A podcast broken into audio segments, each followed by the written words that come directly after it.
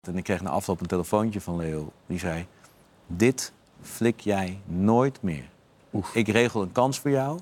En je komt hier aan zonder dat je je hebt voorbereid. Je denkt dat het allemaal geregeld is. Want Wie denk je wel niet dat je bent?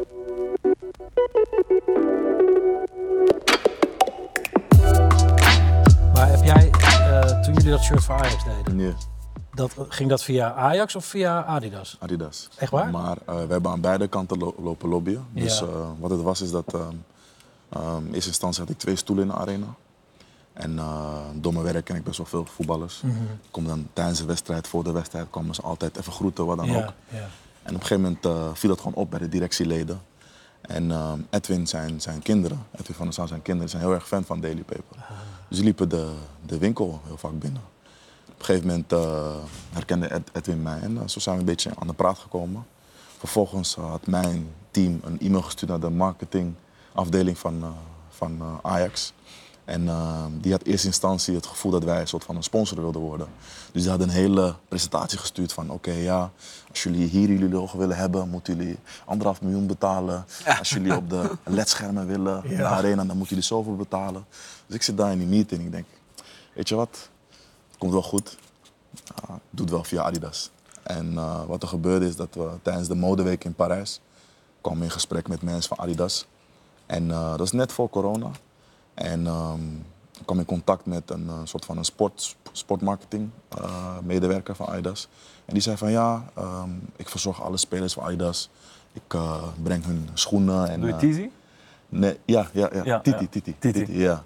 En ehm is een Duitse jongen, Titi Schultz. En ehm, die gaat dan langs alle spelers, die test alle nieuwe schoenen en kleding. En hij zei tegen mij van, weet je wat, ehm, als je wil kan ik ook eh, Daily Paper kleding meegeven. Ik zeg van ja, kijk, het is, die spelers die bereiken ons al organisch. Dus dat hoeft niet per se. Maar wat ik wel zou willen is als je een balletje zou op kunnen gooien bij de teamsportsafdeling van Adidas. Of zij eh, ons in contact kunnen brengen, zodat wij eh, een gesprek kunnen starten. Want ik wilde in eerste instantie Arsenal doen. Oh, Kan nog steeds eigenlijk. En eh, op een gegeven moment is corona gekomen, is het heel lang stilgebleven. En eh, toen had Ajax een Bob Marley eh, shirt eh, gelanceerd. En toevallig had ik met, Daily Paper ook een Bob Marley samenwerking. Maar Ajax was heel erg bang. En Adidas waren heel erg bang dat het op elkaar zou lijken. Dus op een gegeven moment werd ik, werd ik dan, van alle kanten werd ik gevraagd van... eh, ja, ik heb begrepen dat jullie ook met de Bob Marley Foundation aan de slag gaan. Kunnen we een gesprek hebben? Want wij gaan met Ajax ook wat doen. We willen weten wat jullie precies gaan doen. En wat wij hadden gedaan, we hadden de, de, de lyrics van Bob Marley verwerkt in een campagne en op de kleding. Dus totaal iets anders. En Ajax had natuurlijk de traditionele Rastafari-kleuren verwerkt op dat shirt. Dus het was heel iets anders. Maar daardoor eh, werden zij gewoon eh gecharmeerd van wat wij deden. Ja, ja. En ze zagen natuurlijk de organische connectie met Ajax. Dat wij fans waren van Ajax, dat we voetballiefhebbers waren. En eh, toen heeft Adidas gezegd van ja, wij willen graag een passend vervolg hebben naar de Bob Marley eh, shirt. Dus kunnen jullie een, eh, een, eh, een mooie eh, concept bedenken. En eh, ja, zodoende. Goed man. Goed man. Mooi, man. Ik zie hem nog steeds vaak, dat shirt. Ja, nu, nu beseffen heel veel mensen Ja, zeg ja. maar, eh, dat het eigenlijk een mooi shirt is. Toen het, Het eh, is ook een mooi shirt. toen het zeg maar ge- ge- gelekt eh, werd. Want de distributiekanalen van Adidas die zijn heel erg heel, heel, heel wijd en heel breed. Dus wat er gebeurd was, een fabriek in, eh, in Zuid-Amerika had een doos gestuurd naar een Adidas winkel in Colombia. En de medewerkers daar die waren zo enthousiast. Eh, doos opengemaakt. Die zien natuurlijk Daily Paper onder Ajax logo. Een eh, hele slechte foto gemaakt en dat ging circuleerde rond op social media. En natuurlijk alle Ajax-fans de, de, met de, met de, Ja, met de meest Zo dat gaat, hè? ja, met de meest negatieve meningen. Zij zijn aan het brainstormen, de campagnevideo, dat shirt gaan. Ja. Gaan zo uit, maar die presentatie Ja. was gewoon Het een hele... gebeurt heel vaak met voetbalshirts. Ja. Ja. Zit zo Vooral gewoon met zo'n gast Adidas. die rukt een een doos Ja. open, slechte foto. Kijk, je moet maar zo zien. er zijn- Adidas heeft meer dan 60.000 medewerkers. Als je alle winkels eh, mee- meetelt, weet je. Vind maar zo'n persoon die Ja. dat, eh, wel. Ik zag dat Paris Saint-Germain nu al het shirt voor 24,55. Ja, dat is ook Ja, commercieel. Die hebben zes shirts. Ja, ja. Verschrikkelijk. ja, die hebben zes shirts. En dat Ja. is abnormaal. Ja, ja. En ze hebben zoveel verschillende soorten contracten met allerlei verschillende soorten brands en dingen. Ik hoorde wel dat ze pas een dag voor de competitiestart dat seizoen gaan proberen een no- normaal elftal eh, samen te stellen. Zullen we daar nog aan denken? Is alle commercies door? hebben jullie, eh, hebben jullie die eh, David Beckham documentaire al gezien? Ik heb gisteren toevallig gekeken. Het, eerste, het eerste deel. Eerste deel. Ik vond het goed, man. Ja. dat is Echt leuk. is heel, Ja. helemaal top. Ja, ik dus nog niet. Maar dit soort, bij dat soort dingen is het bij, bij mij thuis is altijd... ga ik het samen met mijn vrouw kijken of ga ik er alleen voor zitten? Net als met Ted Lasso. Ben ik Ja. alleen begonnen en daar heb ik nu spijt van. Moet jij met z'n tweeën. En nu Ja. vertelde we iets, maar je kan ze rustig gewoon Absoluut. samen Ja, kijken. Dat is echt seizoen 3 bij Ted Lasso. Ja? Maar ik heb zoveel dingen op mijn lijstje staan dat ik er gewoon niet aan toe kom. Maar ik denk dat je Beckham wel kan kijken met je Ja, vrouw. ja, ja. Ik van Be- Beckham zag, ik wil hem meteen zien. Ja. Ik wil hem meteen zien. Het, was ook, het is ook een beetje tijdsgeest. Ja, ja, je zit weer helemaal in de jaren Ja, 90. ja, ja, Het is zo ja. goed. Maar doe je dan- favoriete, moment, sorry, favoriete moment is dat opeens dat ze op de rug van Simeone meelopen, zo dat stadion in. Dat je denkt van, oh ja, het was Ja, hij. ja, Eh, ja, ja. met de rode kaart tegen ja, Argentinië. Een vervelende speler eigenlijk. Hè. Zo. Ik heb die tijd niet meegemaakt, maar ik wist niet dat hij zo aan de schandpaal werd genageld. Van, van het is jouw schuld, jij bent die pretty boy en, en jij gaat nu net met eh, Victoria Ja. Beckham. Dat het- ik wist niet dat het zo... Ik wist wel zeg maar van, dat hij eh, van, in die wedstrijd was hij de ongelukkige.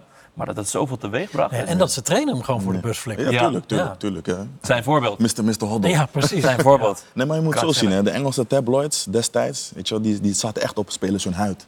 Beckham was al een opvallende speler. Ja. Dus ze, ze zochten gewoon iets om hem weet je wel, eh, op- een bepaalde manier neer, neer te Ja. zetten. En als je dan eh, de ene dag eh scoor je de vrije trap tegen Colombia. En de dag of twee dagen daarna, drie dagen daarna in de kwartfinale krijg je een rode kaart. Ja. Is dat voor hun gelijk attack, attack. Ja, terwijl het gewoon penalties was. hè? Ja, Precies. geen penalties. Hebben die aflevering gezien eh, al over ehm, dat ze die Champions League finale op eh, miraculeuze wijze winnen? Nee, ik heb alleen één gezien. Maar Oké, oké, oké. Nou, in, in Camp Nou tegen Bayern. Ja, ja. Als ik één, als ik één kleine spoiler mag geven. Nou, ik, de tweede is al de tweede voor Nee, mij. maar het, het is geen informatie wat jij niet weet. Nee. Nee, nee, Dat nee. weet je Winnen ze allemaal. Hem? In de laatste Ik dacht, ik dacht dat bij München. Ja, stond, eh, stond het bestuur Stond van heel lang in de lift ja. of zo? Ja. Nee, dat, eh, dat, eh, dat is typisch Ferguson. Dat, eh, op een gegeven moment ze winnen die Champions League, hij heeft zijn revanche. En, dan gaat hij, eh, en daarna trouwt hij met Victoria. En daarna gaan ze op huwelijksreis voor een week. En Ferguson die belt na drie dagen op. Ik zeg, je moet, ik, moet- ik, je moet nu al op de training melden. Maar dat is typisch Ferguson. Ja. Hij is echt top van de wereld. Alles is, weet je, hij is echt in de hemel, om het zo te zeggen.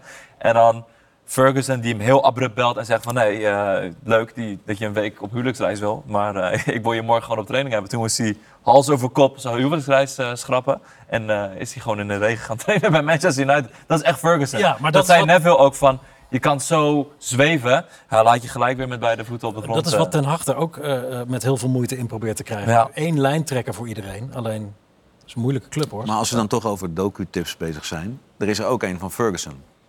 Oh ja. Dat is er één. Die is gemaakt. HBO Max, is hij? Ja, die is Oh ja. gemaakt door zijn zoon. Oh, wauw. Ah, En dat, dat begint met, eh, eh, met het feit dat hij, eh, dat hij zware gezondheidsproblemen krijgt. En met, de, Mm. met zeg maar, de 911 call, zeg maar. Oh, wow. Eh, Wow. En, en dat, dat, dus daar, die start je en je gaat gelijk eh, ja, de emotie in. En dat, het is een geweldige documentaire over wie die man was en wat zijn Mm. leven was. En hoe zwaar hij het had bij Manchester United in het begin. Ja, hij is er nog, hij is er nog. Dus dat Ja. niet in de Ja. verleden Ja. tijd bepaald. Nee, Het duurde, maar- duurde ja. zes Ja. jaar hè, of zo voordat hij zijn eerste titel won. Toen was United ook 25 jaar Ja. geen kampioen. Dat zat in die Ja. ook wel. Nee, maar hij heeft met Aberdeen in Schotland heeft hij veel Precies. succes gehad. Ja. Weet je wel? Ja. Gewoon Europese Cup gewonnen. Ik denk, Ja. volgens mij Cup Winners Cup. Ja, en toen Ja. ging hij naar, eh, naar Manchester. Ja, Ah. Dat ging helemaal niet. Nee, tuurlijk Eh, niet. Maar hij, hij is op een gegeven moment ook dat helemaal gaan verbouwen. Ja. Dat stadion heeft hij verbouwd. en dingen. En pa- pas na een paar jaar, Mhm. ik moet er altijd aan denken als we nu zoveel haast maken met die trainers. Maar kan, kan je, kan je het voorstellen dat, dat Manchester United in 2023 zes jaar de tijd gaat geven om een, Nee, een ja. trofee te winnen bij Manchester? Zes jaar? Stel je voor. volgens mij waren ze ook destijds best wel subtop hoor. Ja, ja. Middenmotor, het was een vergane glorieclub. Maar wel, wel Wat het nu een beetje is ja, eigenlijk. Kijk, natuurlijk was het niet zoveel druk, maar zes jaar de tijd krijgen, dat, dat, Ja. is, dat is op en dit moment... fantastisch dat hij al die jeugdspelers erbij heeft. Ja. Nou ja, maar de, weet je, de tijden zijn zo veranderd. Ja, Als je nu twee jaar geen Champions League speelt, Ja, dan haak je gewoon af. Ja, klopt, Ja. klopt, klopt. Ehm, Ja. dus zes jaar zal hij niet krijgen. Maar ik Nee. hoop dat hij wel tijd krijgt. En dan Nee. niet alleen maar, ja, we nemen dit op vlak nadat ze Mhm. in de laatste minuut van Crystal Palace winnen. Ja, ja. Dat het ja. niet een bal binnenkant paal is of net daarin die over zijn baan gaat uiteindelijk. Dat ze kijken naar het grotere plaatje. Ja. Hoe hebben jullie elkaar eigenlijk leren kennen?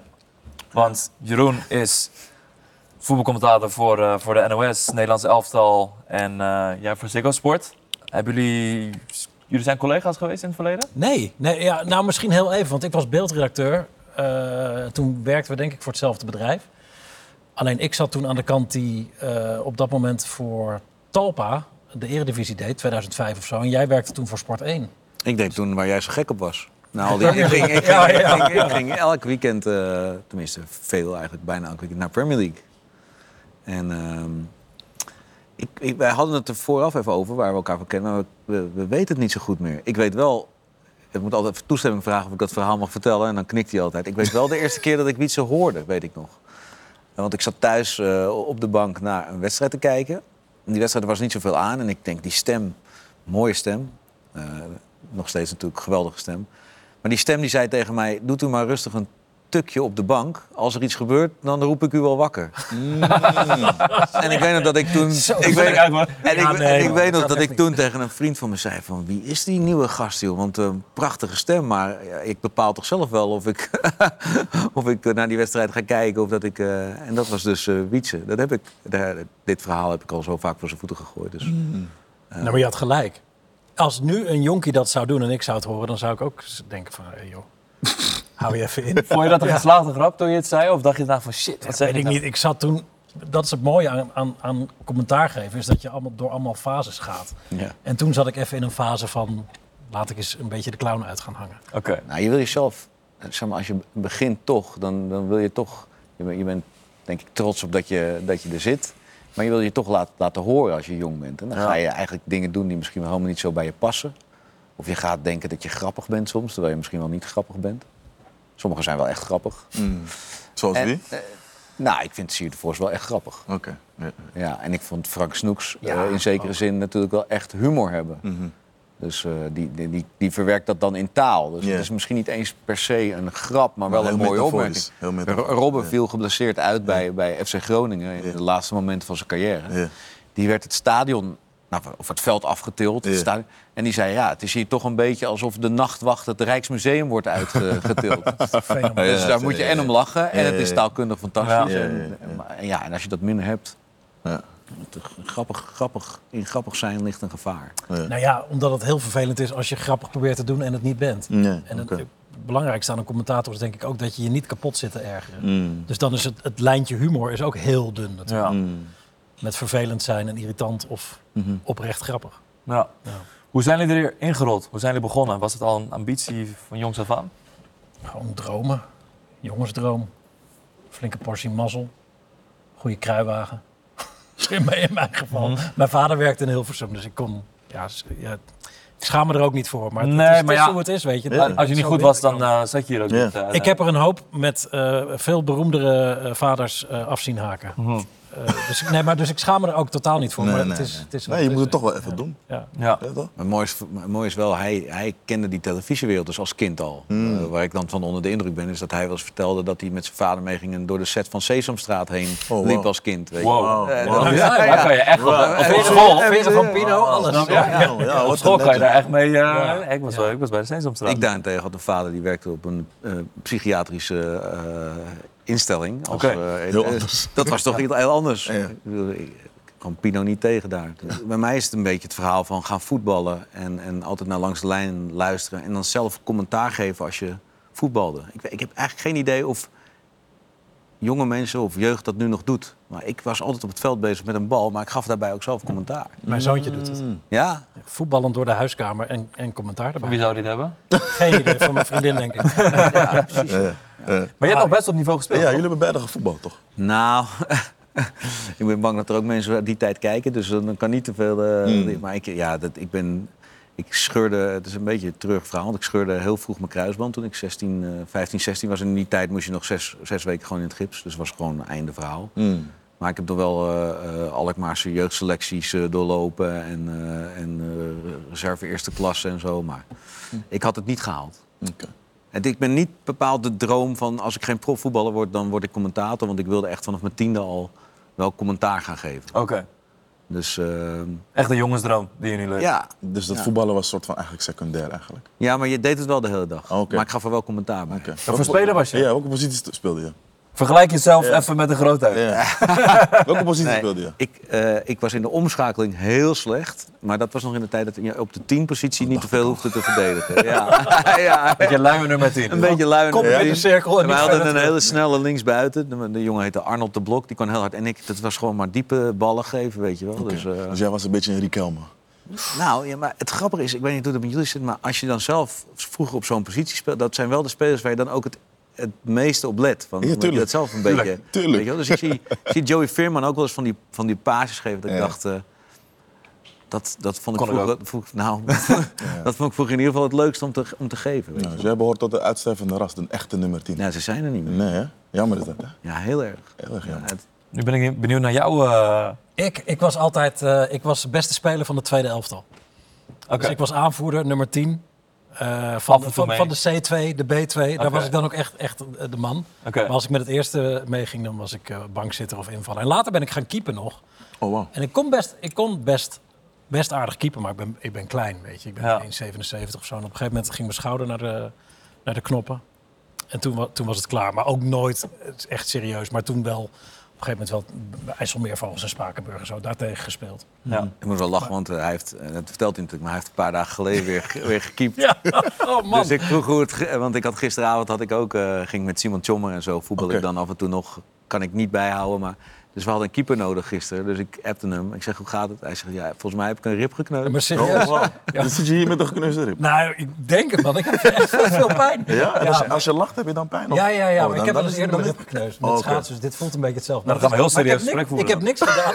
ik, nou, maar ik heb, nee, nee, nee, maar ik heb niks gedaan waarvan ik dacht van... Oeh, hier zou ik wel eens een rib gekneusd bij kunnen hebben. Ik ben gewoon oud en breekbaar aan het worden. Maar het was wel leuk. Ja? Echt leuk. Uiteindelijk is zelf voetbal het allerleukste wat er is. Tuurlijk. En dan niks, haalt het, niks haalt het bij zelfvoetbal. Ja. Ja. Maar was het zo'n onderlinge wedstrijd of benefiet of iets gewoon Ik, ik, in beweging blijven? Nee. Nee, ze spelen eh, op. Ik, heb ook een keer met eh Jordi meegedaan. Oh, Jordi, Jordi, ja? Jordi, Oh, Yamali zit oh, er je ook is- in. oh, is Zo'n teamje. Ah, Ja. oké, oké. Power League heet het. Oh, Bij Power Swift. Boys daar. Oh, bij, Met- oh, bij Swift. Ja, daar bij Olympisch met Plein. boarding, bal moet laag Ja, blijven. ja, ja, met ja. boarding, je gaat helemaal... Kijk, bij Ja, mij ja. is het dan... Ik doe dan, probeer dan drie minuten mee te doen en dan Mhm. is het eh, Ja.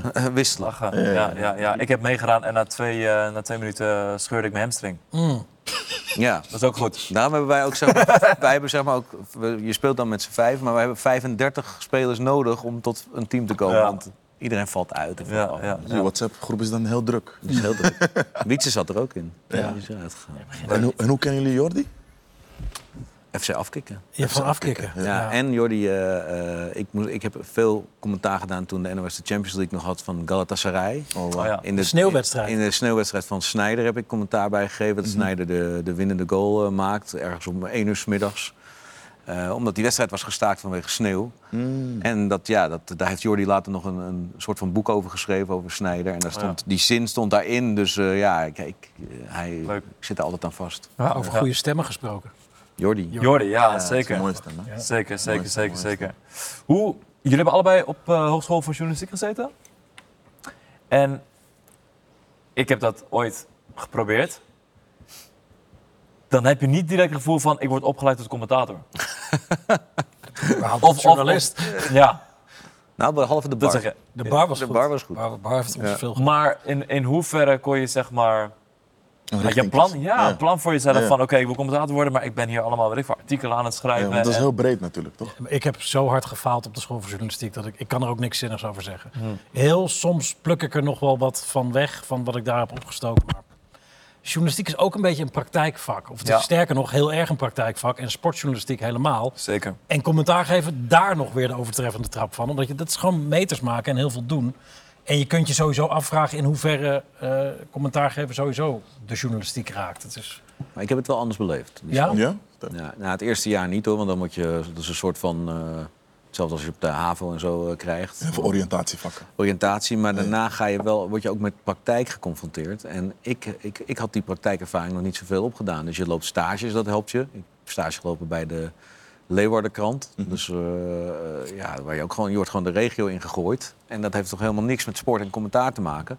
Maar je moet wel geïnteresseerd kunnen zijn in alles en iedereen waar je verhalen over schrijft. Dus ik werd, eh, ja, ik werd op de rubriek mensen en dier gezet. Nou, ik bedoel, ja, dan wil je dus sportcommentator, je wil voetbalcommentator Ja. worden. Je grote droom is, en, en ze zeggen tegen je, ga even naar Friese Palen toe met de bus en schrijf even over dat zwijntje bij die mensen thuis een leuk stukje. ja. en, maar, en dan, maar daardoor, en dat is natuurlijk met die interviews die wij na afloop van wedstrijden doen. Je, je moet wel geïnteresseerd zijn in heel veel mensen. Je moet kunnen luisteren naar ze, je moet eh, hun verhaal willen horen. En dat heb ik wel. Dus die school heeft mij naar buiten gestuurd. Ik heb daar kansen door gekregen. En, en dan heb ik nog niet zozeer over het praktijkgedeelte. Ik heb radio leren maken op die school. Eh, maar het had ook in twee jaar gekund, bijvoorbeeld. Zeker. Ja. En het zegt helemaal niets dat als je, die school, als je zo'n school niet haalt, Mhm. of je gaat er vanaf, dan kan je nog steeds. eh, er zijn nog steeds heel veel goede commentatoren die nooit op zo'n school zijn geweest. Ja. Dus, eh, en denk- journalisten. eh, Als journalist. Ik denk dat is, dat is wat jij zegt. Ik bedoel, het heeft mij wel een handvat gegeven om, om een soort van startpunt te creëren. Ja, buiten, die- buiten die stages inderdaad, die, die ik niet heb. eh, ik heb die school ook niet afgemaakt trouwens. Maar ik heb die stages niet hoeven lopen omdat ik toen al als beeldredacteur tijdens Ja. mijn studie bezig was. Dus Ja. ik kon die punten zeg maar zo inruilen. Bij Talpa, hè? Ja, Ja. ja. dus eh, dat heeft het me ook niet gegeven. Maar ik wil er niet te negatief over doen, want ik zou het iedereen aanraden om te doen. Maar ik Ja. heb er persoonlijk gewoon niet zo heel veel uit. Ja. Je hebt je eigen praktijkervaring gewoon zelf gecreëerd. Ja. Door de samenvattingen te monteren en vervolgens de Precies. commentaar te- in te spreken. Ja, ja, dat, is eigenlijk een stukje stage, zeg. brutaliteit die je Ja. nodig hebt. Dat je zegt van, nou ja, weet je. Want deed je dat zeg maar tijdens het monteren, had je dan een microfoontje bij en dacht van, Nee, ik nee, nee. gewoon... Nee, ik maakte dan met, met, een, met, een, met een editor, dus iemand die, die echt het technische monteren deed, maakte ik de samenvattingen voor wat toen nog de Jupiler League, weet je, de, de keukenkampioen-divisie, daar monteerde ik de wedstrijden van. En als dan de echte commentator was geweest om die samenvatting in te spreken en het werd wat rustiger, dan zei ik, nou, mag ik nu eventjes? Ja. Oh, wow. Nou, dat werd dan opgeslagen en dat liet ik dan aan mensen horen. En die zeiden, nou, Dat liet je gewoon aan mensen horen. nou ja, gewoon mensen die daar ook werkten. Oké. Wil je hier even naar luisteren? Wat Oh, vind je ervan? En in die tijd groeiden de bomen nogal tot aan de hemel volgens mij. Want werd, iedere wedstrijd werd ook online gestreamd in zijn geheel. Hmm. Al die eh Jupiler League wedstrijden, dus top Os Helmond Sport, kwam gewoon live op internet. En daar Ja. keken dan zeven mensen naar. Maar ik mocht daar wel heen en op een gegeven moment live commentaar doen. En, gewoon, en daar heb ik alle fouten kunnen maken die, die je maar kan maken en waar je van leert. Dus dat, dat was ideale leerschool. Ja. Ik weet nog dat, eh, eh, want dat was, eh, dat hebben ze ook met de Eredivisie gedaan. Dat bedrijf heette volgens mij Jeronimo. Daar was, eh, ja, we gaan het op internet doen. Maar ja, mensen hadden toen nog helemaal geen supersnelle 2005, verbindingen en zo. Ik heb echt nog daarvoor. Dus wij werden ook gevraagd van, eh, nou, wil je daar commentaar bij geven? Dan zat je dus gewoon, nou, serieus, je wc is kleiner. En daar stond dan een klein tv'tje. En dan eh, inderdaad mensen die dan het konden vinden op internet, konden live naar... Eer- Toen was er nog niet, lang niet alles live op tv te zien. Nee. Die konden dan live naar Eredivisie. En dan zat je dus op zo'n klein beeldschermpje ADO AZ eh, te doen. Oké. Maar dat was inderdaad goud, want je kon een fout maken. Je kon een speler niet herkennen. Kijk, als je dat nu doet, er was ook natuurlijk nog geen social media. Dus nu gaat je, je kop er al heel snel, Ja. veel te snel af. Ja. Want ja, je maakte gewoon fout als je net begint. Ja, toen, ik weet nog dat ik, eh, en later ging dat bij de Champions League ook zo. Ik denk dat ik Cameronesi één helft Camorenasi of zo heb genoemd. Dat is fout. Dat is fout. Precies. Dus eh, ja, weet je, maar dan, dan, liep ik, dan liep ik daarna naar buiten. Daar heeft niemand ooit wat van gezegd. Ja. Dat, dat kon toen, Ja, ja, ja. toen nog. Ja. Maar jij hebt je eerste vlieger nog een beetje gemaakt Jupiler League. Met, eh, met, eh, maar jij hebt stage gelopen bij RTV Noord-Holland. En jij hebt bij allemaal obscure amateurwedstrijden commentaar eh, ja. zitten doen in de kou. KBV Turkium Spoor? Ja. ja Maar dat is, dat, maar dat, dat moet je jezelf gemotiveerd houden, denk ik. Of niet? Ja, maar ja, kijk, weet je, ik, eh, ten eerste, ik kwam toen zo van die school af met dat papiertje. En het eerste wat ze bij Noord-Holland zeiden, ja, leuk zo'n papiertje, maar wat kan je eigenlijk? Ja, Ja. eh, kan je radiocommentaar geven? Nee, dat kan ik niet, want dat heb ik nooit gedaan.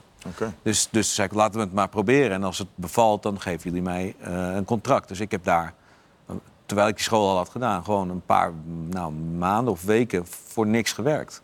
Want ik wilde kijken of ik iets kon. Gewoon om jezelf te bewijzen. Om, ja, ja, om jezelf te bewijzen en ook ervaring op te doen. En toen zeiden ze, nou, ga maar met zo'n... Ja, dat is nu een beetje echt oude lullenpraat aan het worden. Maar dan krijg je een... een in die tijd kreeg je een auto. Ja. Daar zat een zendmast in van 20 meter. En die moest je zelf opbouwen. En dan daar moest je er zo'n apparaat uitpakken. En dan naast het veld, op een stoel, in je, met je microfoon... Turkiumsport tegen Wauw. KBV. eh, hè, tussen alle mensen. Turkiumsport was een fantastisch gezellige club. Daar. Heel lekker eten. Dus in de rook van al die barbecues stond je dan... eh. maar ja, die, die, die mensen ook, die zien dan een jochie van 21, 22 aankomen in een auto... Is niet eens een eigen auto. Die staat dan eerst in de modder een paal op, de, op te zetten. Die zet daarna een stoel naast de keeper van eh Turkiumspoor. En die gaat daar staan schreeuwen als er... een- Ja, eh, maar ja, ik dacht bij mezelf, ik weet waar ik naartoe wil. Ja. En het, Ja. is ook wel, het is ook wel leuk. En mensen vonden het ook in die tijd wel leuk dat, dat ze op de radio kwamen. Dus iedereen was toch best wel blij om je te ontvangen. Ja. En hoe, hoe ben je dan uiteindelijk van RTV Noord-Holland naar NOS gekomen?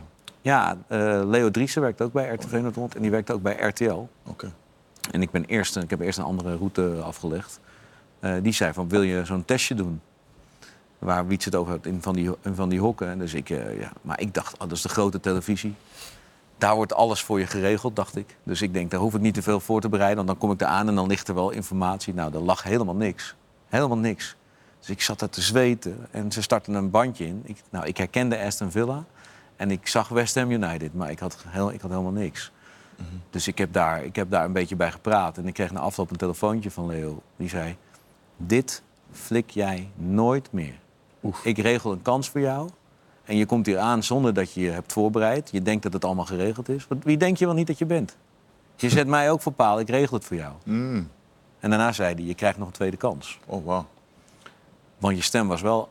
Je stem klonk wel goed. Dus die tweede kans heb ik toen... eh, toen heb ik geloof ik voor een samenvatting van 1 minuut, 8 dagen alles bij elkaar gezocht.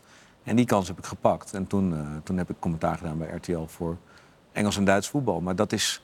Het was heel hard. Ik zat nog te bibberen toen ik die telefoon neerlegde, weet ik nog. Maar het was een hele harde les. Maar die les eh, ben ik nooit meer vergeten. Nee, maar hoe kon je je dan ooit voorbereiden voor zoiets? Want je kreeg je het beeld van tevoren opgestuurd? Nou ja, ik had natuurlijk. Nee, nee, maar je kan natuurlijk. Je moet natuurlijk eh, zelf. Ik had natuurlijk zelf initiatief moeten nemen. Goh, wat. Waar, waar moet ik bij praten? Eh, eh, wat verwachten jullie van me? Dit en, ik dacht, nou, ik ga daar wel heen. En dan zal er wel iets. Hè, dan zal er wel iets geregeld zijn. Want ja, ze bellen me niet. eh, ze, ja. Het Nou, was ook niet dat je even snel je telefoon erbij kon pakken om Nee, een flesje nee, te nee, openen. nee, of, niet. eh, nou, ik weet nog dat ik daar zat, Wietse, jongen. Ik, die wedstrijd werd gestart. Ik denk, ja, dat... Het, eh, eh, en je kon, ik keek ook niet elke week Premier League in die tijd. Dus ik dacht, oh man, wat is dit? Ik zat trillen. Ik denk, ja, we moeten nu toch praten. Want, ja. kom ik voor. Dus, en aan de andere kant van het glas za- zag ik een paar van die mensen zitten van... Wat is dit voor, wat, Wat heeft Leo nou weer meegegeven? ja, wat is dit voor gast? Dus welke wedstrijd gooit voor, gooit voor jou als een soort van doorbraak bij de NOS? Ja, ik, ik ben later naar de NOS gegaan. Dus ik heb eerst nog eh, een paar jaar Sport 1 eh, Oh ja, gedaan. 1. Dus eh, dat is wat nu Sigo Sport is eigenlijk. Ja. Dus, dus een paar jaar bij Sport 1 eh, gezeten. En de NOS belde. die had een commentator nodig voor de Eredivisie in 2008. En die belde omdat ze mij al... En toen had ik al heel veel wedstrijden gedaan bij, bij, bij Sport 1. En De UEFA, ja. Cup finale, WK finale van 2006. Heel veel mogen doen. Ja. Maar dan moet je wel bij de NOS wel... Ik moest wel gewoon... Er is hiërarchie wel een beetje onderaan beginnen. Oké. Dus een beetje dimmen. Oké, oké, nou, als je dan naar jou en jouw perspectief, wat was voor jou dan de absolute doorbraak van al de wedstrijden die jij eh, van commentaar hebt gezien? Nou, ik denk toen ik eenmaal bij de NOS zat, toen werd ik naar het WK in Brazilië gestuurd. Oké. Daar voelde ik me als een vis in het water, want het is een fantastisch land. En eh, ik denk dat als je je, dat zullen jullie toch ook hebben in je werk, als je je goed voelt Mm.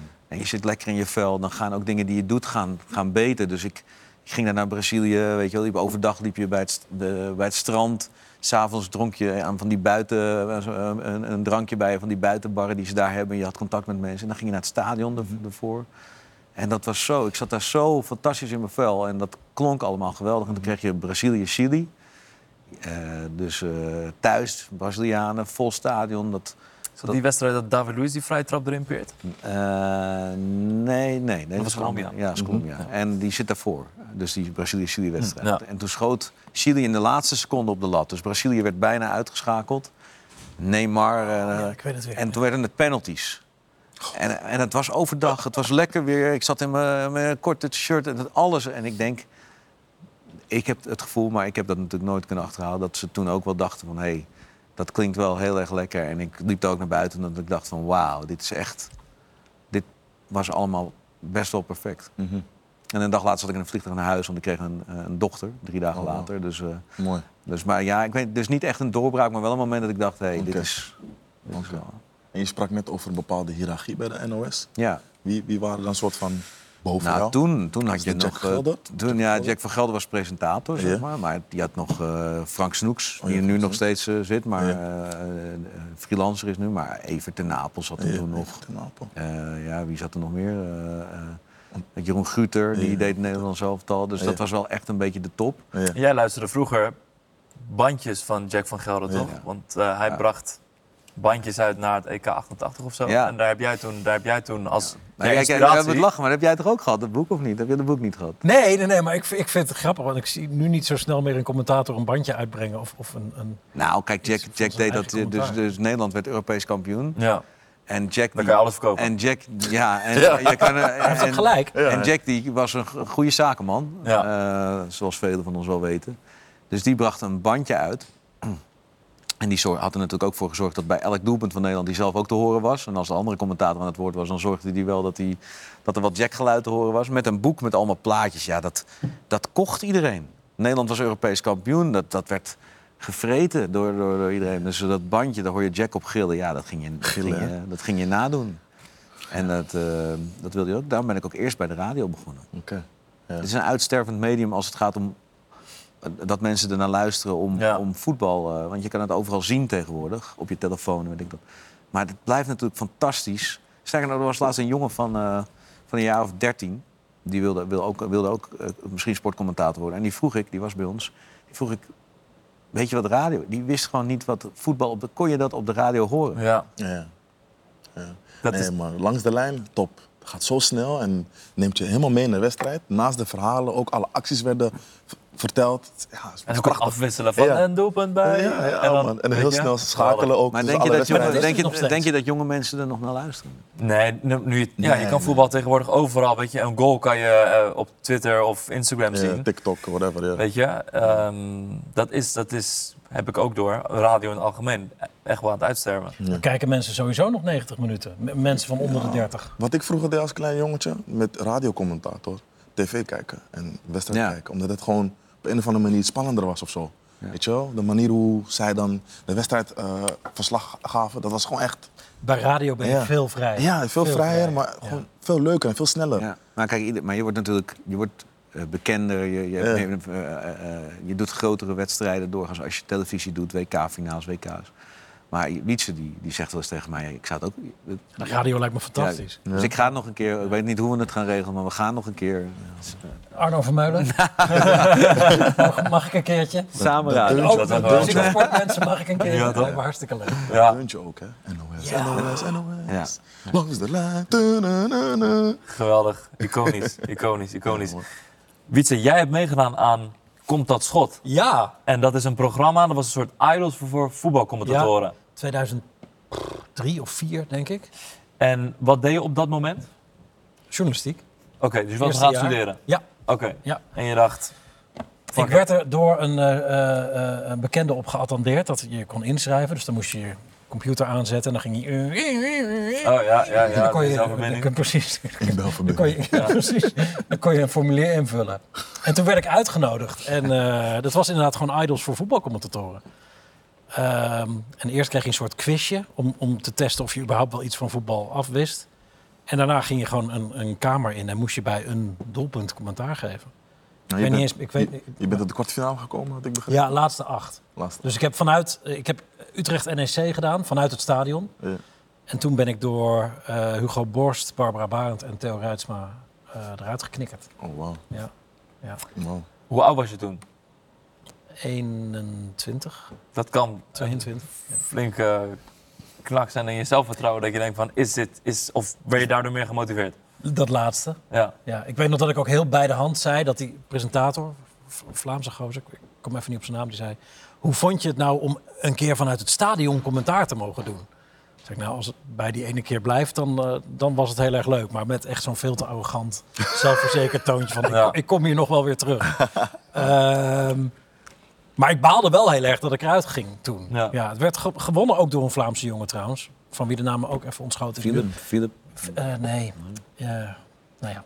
Die, die nu nog, eh, nog steeds voor de Belgische tv ook, voetbal doet en andere sporten geloof ik ook. Maar ik ben wel de enige Nederlandse deelnemer die eh, nog echt is eh, boven komen drijven, zeg maar. Op een eh, regisseur, Danny Melger na, die ook meedeed, die nu alle grote Nederlandse Europese wedstrijden regisseert. Oh, wow. vet. Die heeft als commentator ook nog een poging. eh, Oh, wow. Ik zei wel eens tegen Wietse, Theo Rijtsma, die, eh, die heeft Wietse nu een aantal keer als beste commentator van Nederland eh, genoemd. En, Maar je eruit gegooid? ja, ik zeg maar, dat had hij toen niet door, zeker. Maar dat kan, dat kan. Ja. Ja. En hoe kwam je bij Ziggo Sport terecht? Ja. Ik, eh, nou, ik, ik, ben, ik ben op een gegeven moment in 2013 eh, ben ik naar eh, Fox gegaan, wat nu ESPN is natuurlijk.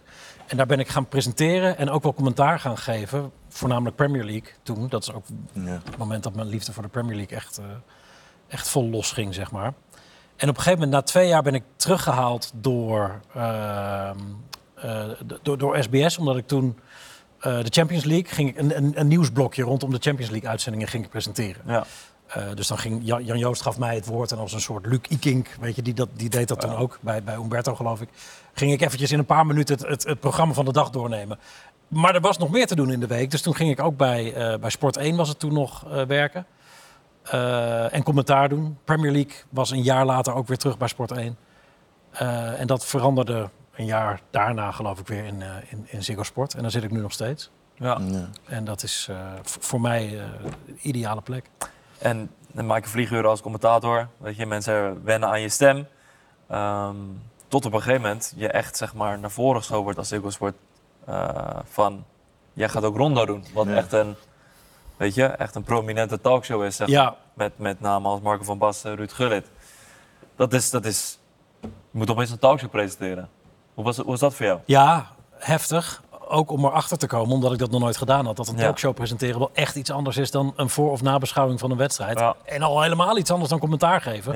Of gewoon eh, eh, reguliere interviews doen na een wedstrijd of zo. Dus we zitten nu in seizoen drie dat ik Rondo presenteer. En ik heb eigenlijk halverwege vorig seizoen pas voor het eerst het gevoel gekregen dat ik vaste grond onder mijn voeten had. Zeg Ja? maar. Dat heeft, heeft echt Ja? wel lang Ja? geduurd. Hoe, is het, hoe is het werken met eh, grote karakters als heel- Marco en eh, Heel, heel goed. Het is heel goed Ja? werken. Alleen het heeft me echt even tijd gekost om daar... Terwijl ik ook... Ik loop al best een tijdje mee in het Ja. wereldje. Alleen, ja, dit, dit, dit was op de een of andere manier anders. Maar waar komt dat door dan? Dat je Ja, de, de, de grootsheid van, van die gasten dan. Ja, dat- en, die, ja. en die talkshow en het feit dat ik Jack van Gelder opvolgde. Dus ook wel heel erg het gevoel had van... oké, dit zijn extra Mhm. felle schijnwerpers. Maar is dit, is dit de, de druk die je op jezelf Ja, legt? nou, dat, dat denk ik wel. Dat- nou ja, goed. Dan, dan gaan we eh, al naar het relativeren van die hele voetbal en voetbalmedia Mhm. toe. En ik vind dat we dat sowieso wat meer moeten doen. Maar ik, en, en ik weet Jeroen ook, ik, ik leg heel veel druk op mezelf. Inderdaad. Mhm. Ik wil altijd heel erg goed zijn in wat ik ook doe. Ja, ja. Ja, en dat had ik bij Ronde ook heel erg, omdat ik wel wilde bewijzen, ook omdat ik van Ziggo het vertrouwen kreeg om dit te gaan doen, Ja, dat ik het ook aankon. ja. Ja, Want je zegt net dat je Jack van Gelder moest opvolgen. mocht opvolgen. Mocht opvolgen, ja. Ehm, heb je ook tips van hem gekregen? Of sprak, sprak je met Ehm, hem over jullie vak? Nee, ik heb, ik heb wel. Jack heeft me wel op een gegeven moment echt een keer zo. Echt een heel erg veelbetekenende schouderklop gegeven. Oké. Heel, heel eh, vriendelijk. Ja. Maar ik geloof dat. Ja, de- eh, Jack had graag doorgewild met Rondo. Oké. Dus, dus, die, dus hij ging weg en ik, en ik kwam op die positie. Maar dat is verder helemaal oké. Mm. En, en heel prima gegaan. Eh, en ik heb nog wel ook met, met redactieleden eh, van, van, van Rondo met heel veel ervaring. Met Jaap Hofman onder andere. eh, echt veel eerste uitzendingen teruggekeken en zo. Dus, Mhm. dus ik heb... eh, ja, ik, ik heb nog wel eh, eh, beho- behoorlijk wat tips gekregen. Mhm. Ja. En dat was voor jou het moment dat je echt naar voren werd geschoven. Jeroen, dat was voor jou dat je op een gegeven moment vast eh, commentator werd van het Nederlands elftal. Ja. En de WK-finale mocht doen. Dat is zeg maar volgens mij in, in, in, in, bij de NOS en ik denk voetbal algemeen echt, ja, beetje eh, het, het optimaal haalbare of zo. Ja, als je, als je, we hadden het net over, ja, het is zo'n woord, hè, jongensdroom. Maar dat is natuurlijk wel wat je wil. Je wil eh, commentaar geven bij het Nederlands elftal. Dat is trouwens negen jaar geleden alweer, eh dat zag ik eh, deze week. Eh, het grappige is, ik hoor uh, Wietse het woord relativeren zeggen. En dat, dat ga je dus automatisch na een paar jaar ook doen. Mm. Dus toen was het helemaal van, ja, eh, want die WK-finale, dat, daar zit nog weer een aantal jaar tussen. Hè. Dus je had, eigenlijk had ik twee ambities. Eh, commentaar gegeven bij het Nederlands elftal. En ooit kijken of het lukt om een WK-finale te doen. En, ehm, en ik weet nog dat het Nederlands elftal, dat, ik, dat was Nederland-Kazachstan. Dat ik, ik, wa- ik was trots, ik was nerveus. Ik denk, eh, wat moet ik hiervan maken? En dan, is het, dan heb je het gedaan en dan gaat de wereld gewoon door. Oh, de wereld draait niet om mij? Ja, En dan denk je, ja, het is, ja, en ja, het is toch ook moeilijk om dan een soort van gevoel uit jezelf te halen van... Ik heb in die tijd, en, en, en eigenlijk dat lukt nog steeds heel moeizaam, maar steeds beter. En dat is denk ik ook de druk waar Wiets het over heeft. Ik moet altijd aan voetballers denken, want die, zullen, die hebben natuurlijk ongetwijfeld hetzelfde. Eh, het is heel moeilijk om van, van dingen te genieten. Zeker als je wat jonger bent. En ik ben nog steeds, ik bedoel, ik weet niet wat jullie, volgens mij hebben jullie een jong, jong eh, publiek, maar ik ben 46, ik voel mezelf nog steeds eh, redelijk jong. Waarschijnlijk is jullie publiek een stuk jonger, maar het, het is gewoon, dan, dan ben je bijna soms soms verblind door ambitie. Dus dan doe je Nederlands elftal, je doet Nederlands elftal, je doet Nederlands elftal. En dan vragen mensen, heb je ervan genoten? Mm. Maar dat, dat, dat kan niet, want je wil het goed doen. En je Ja. wil geen fout maken. En, je- en nu lukt het, nu pas, en nog steeds mondjesmaat, lukt het om te genieten van die WK-finale. De laatste, daar komen we straks denk ik misschien nog wel op. Ja. Daar, daar lukte het wel om het na afloop van te genieten. Ja. Maar dan ben je dus dat vak al, al bijna twintig jaar aan het doen. Ja. Had je meer spanning voor Nederland-Kazachstan dan bijvoorbeeld een Nederland-Argentinië op het laatste WK? Of laten we zeggen de eerste belangrijke WK. Ja, die nou, ja nou, ik denk het wel. Want eh, eh, eh, dat is dan zo'n moment. En je bent misschien ook wel, je wil dingen doen die wel, misschien wel helemaal niet bij je passen. Hè. Dus je wil, eh, ja, je wil misschien met. alleen je denkt, ja, nu mag ik weer een beetje chauvinistisch commentaar geven. Dus als Nederland dan scoort, dan ga je misschien wat gespeels, gespeelder, ga je enthousiast doen bij een doelpunt en zo. Maar je moet natuurlijk gewoon jezelf zijn. Ja. Dus je moet natuurlijk niet veranderen op het moment dat je een andere, een andere wedstrijd mag doen, zoals het Nederlands elftal. Dus ook dat moet je weer leren. En het is gewoon ontzettend. Het is echt, denk ik wel, het moe- ik vind het het moeilijkste wat er is, Nederlands elftal doen. Ook op Ja? het WK. Nou ja, Ik moest daaraan denken bij Nederland-Argentinië toen we, toen we in de laatste eh, minuut van de verlenging nog, eh, of tenminste de laatste minuut van de wedstrijd, nog die 2-2 erin. ja. Van, ik luisterde dat terug en ik dacht van, je bent mega blij, maar hoe, hoe balanceer je Ja. dat enthousiasme tussen van, oké, ik mag enthousiast zijn, maar ook niet te. Het is, het is, Maar waarom mag je niet te enthousiast zijn? Ik zou vol losgaan. Nou, Je bent niet vol losgegaan, denk ik. Nou, kijk, wij, ik, eh, ik heb niet zoveel mensen met wie ik echt eh, eh, eh, praat over het vak. Want dat, dat, dat, dat, dat- daarvoor moet je vertrouwen met iemand hebben. En Wietse is eh, inmiddels een goede vriend. En ik, Wij zijn er ook. hoor. Ja, ik ik, kan het ik, ons ook nee, maar, eh, precies. Maar, maar eh, ik heb met hem contact gehad op dat Ja. WK. En als je het hebt over, over, dat, eh, eh, over die, die, dat enthousiasme bij doelpunten. Hij zei na een wedstrijd of twee, het lijkt wel of er een speldje op zit. Nee, veiligheidspalletje van je Dus- pistool, daar had ik het een beetje over. Ja, ik dus heb hem dat op een gegeven moment geappt van, haal dat veiligheidspalletje er eens vanaf. Mm. Hij is natuurlijk fucking goed. Ja, ja. Alleen ik hoorde dat er ergens een... Nou, maar dat komt omdat jij, kijk, en dat heeft ook misschien een beetje te maken met zijn commentaarachtergrond. Is weer wat anders dan bij mij bij de NOS. Hè. Er is toch altijd een soort van doe maar rustig. En, eh, en, Mm. eh, hè, dat is een beetje de norm altijd geweest bij de NOS. Nou, ik heb me daar nooit zo heel veel van aangetrokken. Maar je bent wel altijd, je hebt altijd eerder je, je, je voet op het rempedaal dan op het Ja. gaspedaal. Dat, dat past ook, denk ik, daar wel een beetje bij. En bovendien, als je helemaal losgaat bij Nederland-Qatar bij een doelpunt... of Nederland-Ecuador... wat heb je dan nog over voor de gelijkmaker van Wout Weghorst tegen Argentinië? Ja, als dat ja. hetzelfde klinkt. Ja. Snap je? Ja. Eh, ehm, bij die goal, eerlijk gezegd, had ik niet meer het gevoel dat er een rem op zat. Want eh, ik noem, eh, ja, dat komt dan ergens uit je achterhoofd. Ik zeg wauw, wauw, wout. Ik denk eh wonderwoud was misschien nog wel mooier geweest, of weet ik het wat. Maar, maar dan mag je wel gewoon echt. Ja. eh, alleen, ik denk wel altijd gelijk terug in je hok nadat het gebeurd is. Want we gaan nog een verlenging in. Ja. Er komen straks nog strafschoppen. Eh, misschien dus, dus ik ben daar wel mee bezig. Ik vind Wietse bij, bij doelpunten doorgaans in de Champions League met Ajax... eh, luister ik wel eens met jaloezie naar zijn enthousiasme. Ehm, maar ik denk ook wel eens bij mezelf... eh, soms kan het misschien ietsje minder, want ja, bij Ajax niet door zo'n Champions League als ze de finale halen. Maar bij een Premier League, ja, hij maakt bijna elk mooi doelpunt echt vol enthousiast. Maar het belangrijkste wat je zegt van je moet het niet spelen. Nee, ja. het moet echt nee, maar hij speelt Ja. het niet. Maar, maar jij, jij bent niet van elke club een fan. Dus hoe, hoe hou je dan organisch en Ik ben, authentiek? ik, ben, ik ben enthousiast. Oké, Gewoon, ik hou van mooi en leuk ja. voetbal. oké, Ik ben automatisch voor de Nederlandse club oké. die eh, Europees speelt. Mhm. Dat eh, echt waar. Voor iedere Nederlandse club die, die, die Europees speelt. Dus daar, daar word ik ook automatisch enthousiast van. Oké. En met het Engelse voetbal is het gewoon dat tempo, Ja. dat geluid. Intensiteit. Maar zo'n- maar het enthousiasme in zo'n staat. Je wordt er zo in meegesleurd. Dat is natuurlijk, je wordt opgetild door als jij bij 60, 70.000. Kijk, als ik eh, RKC, NEC. ja, nee, maar ik, dan ga ik me net zoveel plezier Wat lach je naartoe- nou? Ja. Nee, kijk, het verschil tussen Nee, Premier, maar- Premier League, Maar RKC en NEC. Nee, Maar- maar het, maar verschil kijk, is ja, is wel Maar groot. het verschil is ook het geluid in zo'n stadion. Ja, tuurlijk. Ja. Dus als, als ik dan vol uithaal bij een bal van 35 meter in de Ja, kruising, ja, wat dat doelpunt verdient. Ja. Maar ja, je zit ook, en dat doet RKC helemaal niks tekort mee, maar het is nou eenmaal een andere ambiance dan, dan die, die, Premier die, League die. Premier League of, of, of whatever, de Champions League, weet je Ja, wel. ja. Dus dat is, het moet ook een beetje passen. En ik denk dat jij dat ook, ik bedoel, ja. Het, Ja, natuurlijk. Nee, maar dat, dat is ook zo. Dus er zijn meerdere levels. Alleen ik, ik zit sowieso in ieder level al vocaal iets hoger dan, dan het gemiddelde, denk ik. Ja, omdat het ook beter bij je stem past. Denk het. Hoe beleefde jij die krankzinnige WK-finale waar je ook commentaar op mocht geven? Frankrijk tegen Argentinië. Nou, um, eh, ja, ik, ik, dan ga je dus. Ik denk dat ik het achteraf, heb ik ook van gelukkig van anderen gehoord, wel goed heb gedaan. Maar het was natuurlijk een megaklus. Eh want er gebeurt zoveel. Ja. Er gebeurt zoveel en je wil, geen, je wil toch geen fouten maken. Ja. Dus, eh, maar ik merkte daar wel, en dat komt ook, ik had in 2018 al de WK-finale gedaan in, eh, in Rusland. Daar merk je dus wel dat omdat je er al een keer, omdat je dan een aantal keer zulke eh, grote wedstrijden gedaan, hebt, dat je wat kalmer zit. Dus ik zat daar twee uur van tevoren op mijn plek. Ja. Ik zat om me heen te kijken. Ik zag mensen binnenkomen. Je ziet mensen genieten, zin hebben in die dag. En ik kreeg er zelf ook al zin in. Terwijl de eerste WK-finale in Rusland, dacht ik, wauw, dat is de eerste WK-finale. Ja. Alles moet kloppen, schrijven, eh, aantekeningen. En hier dacht ik echt, nou, laat het maar, laat het maar gebeuren.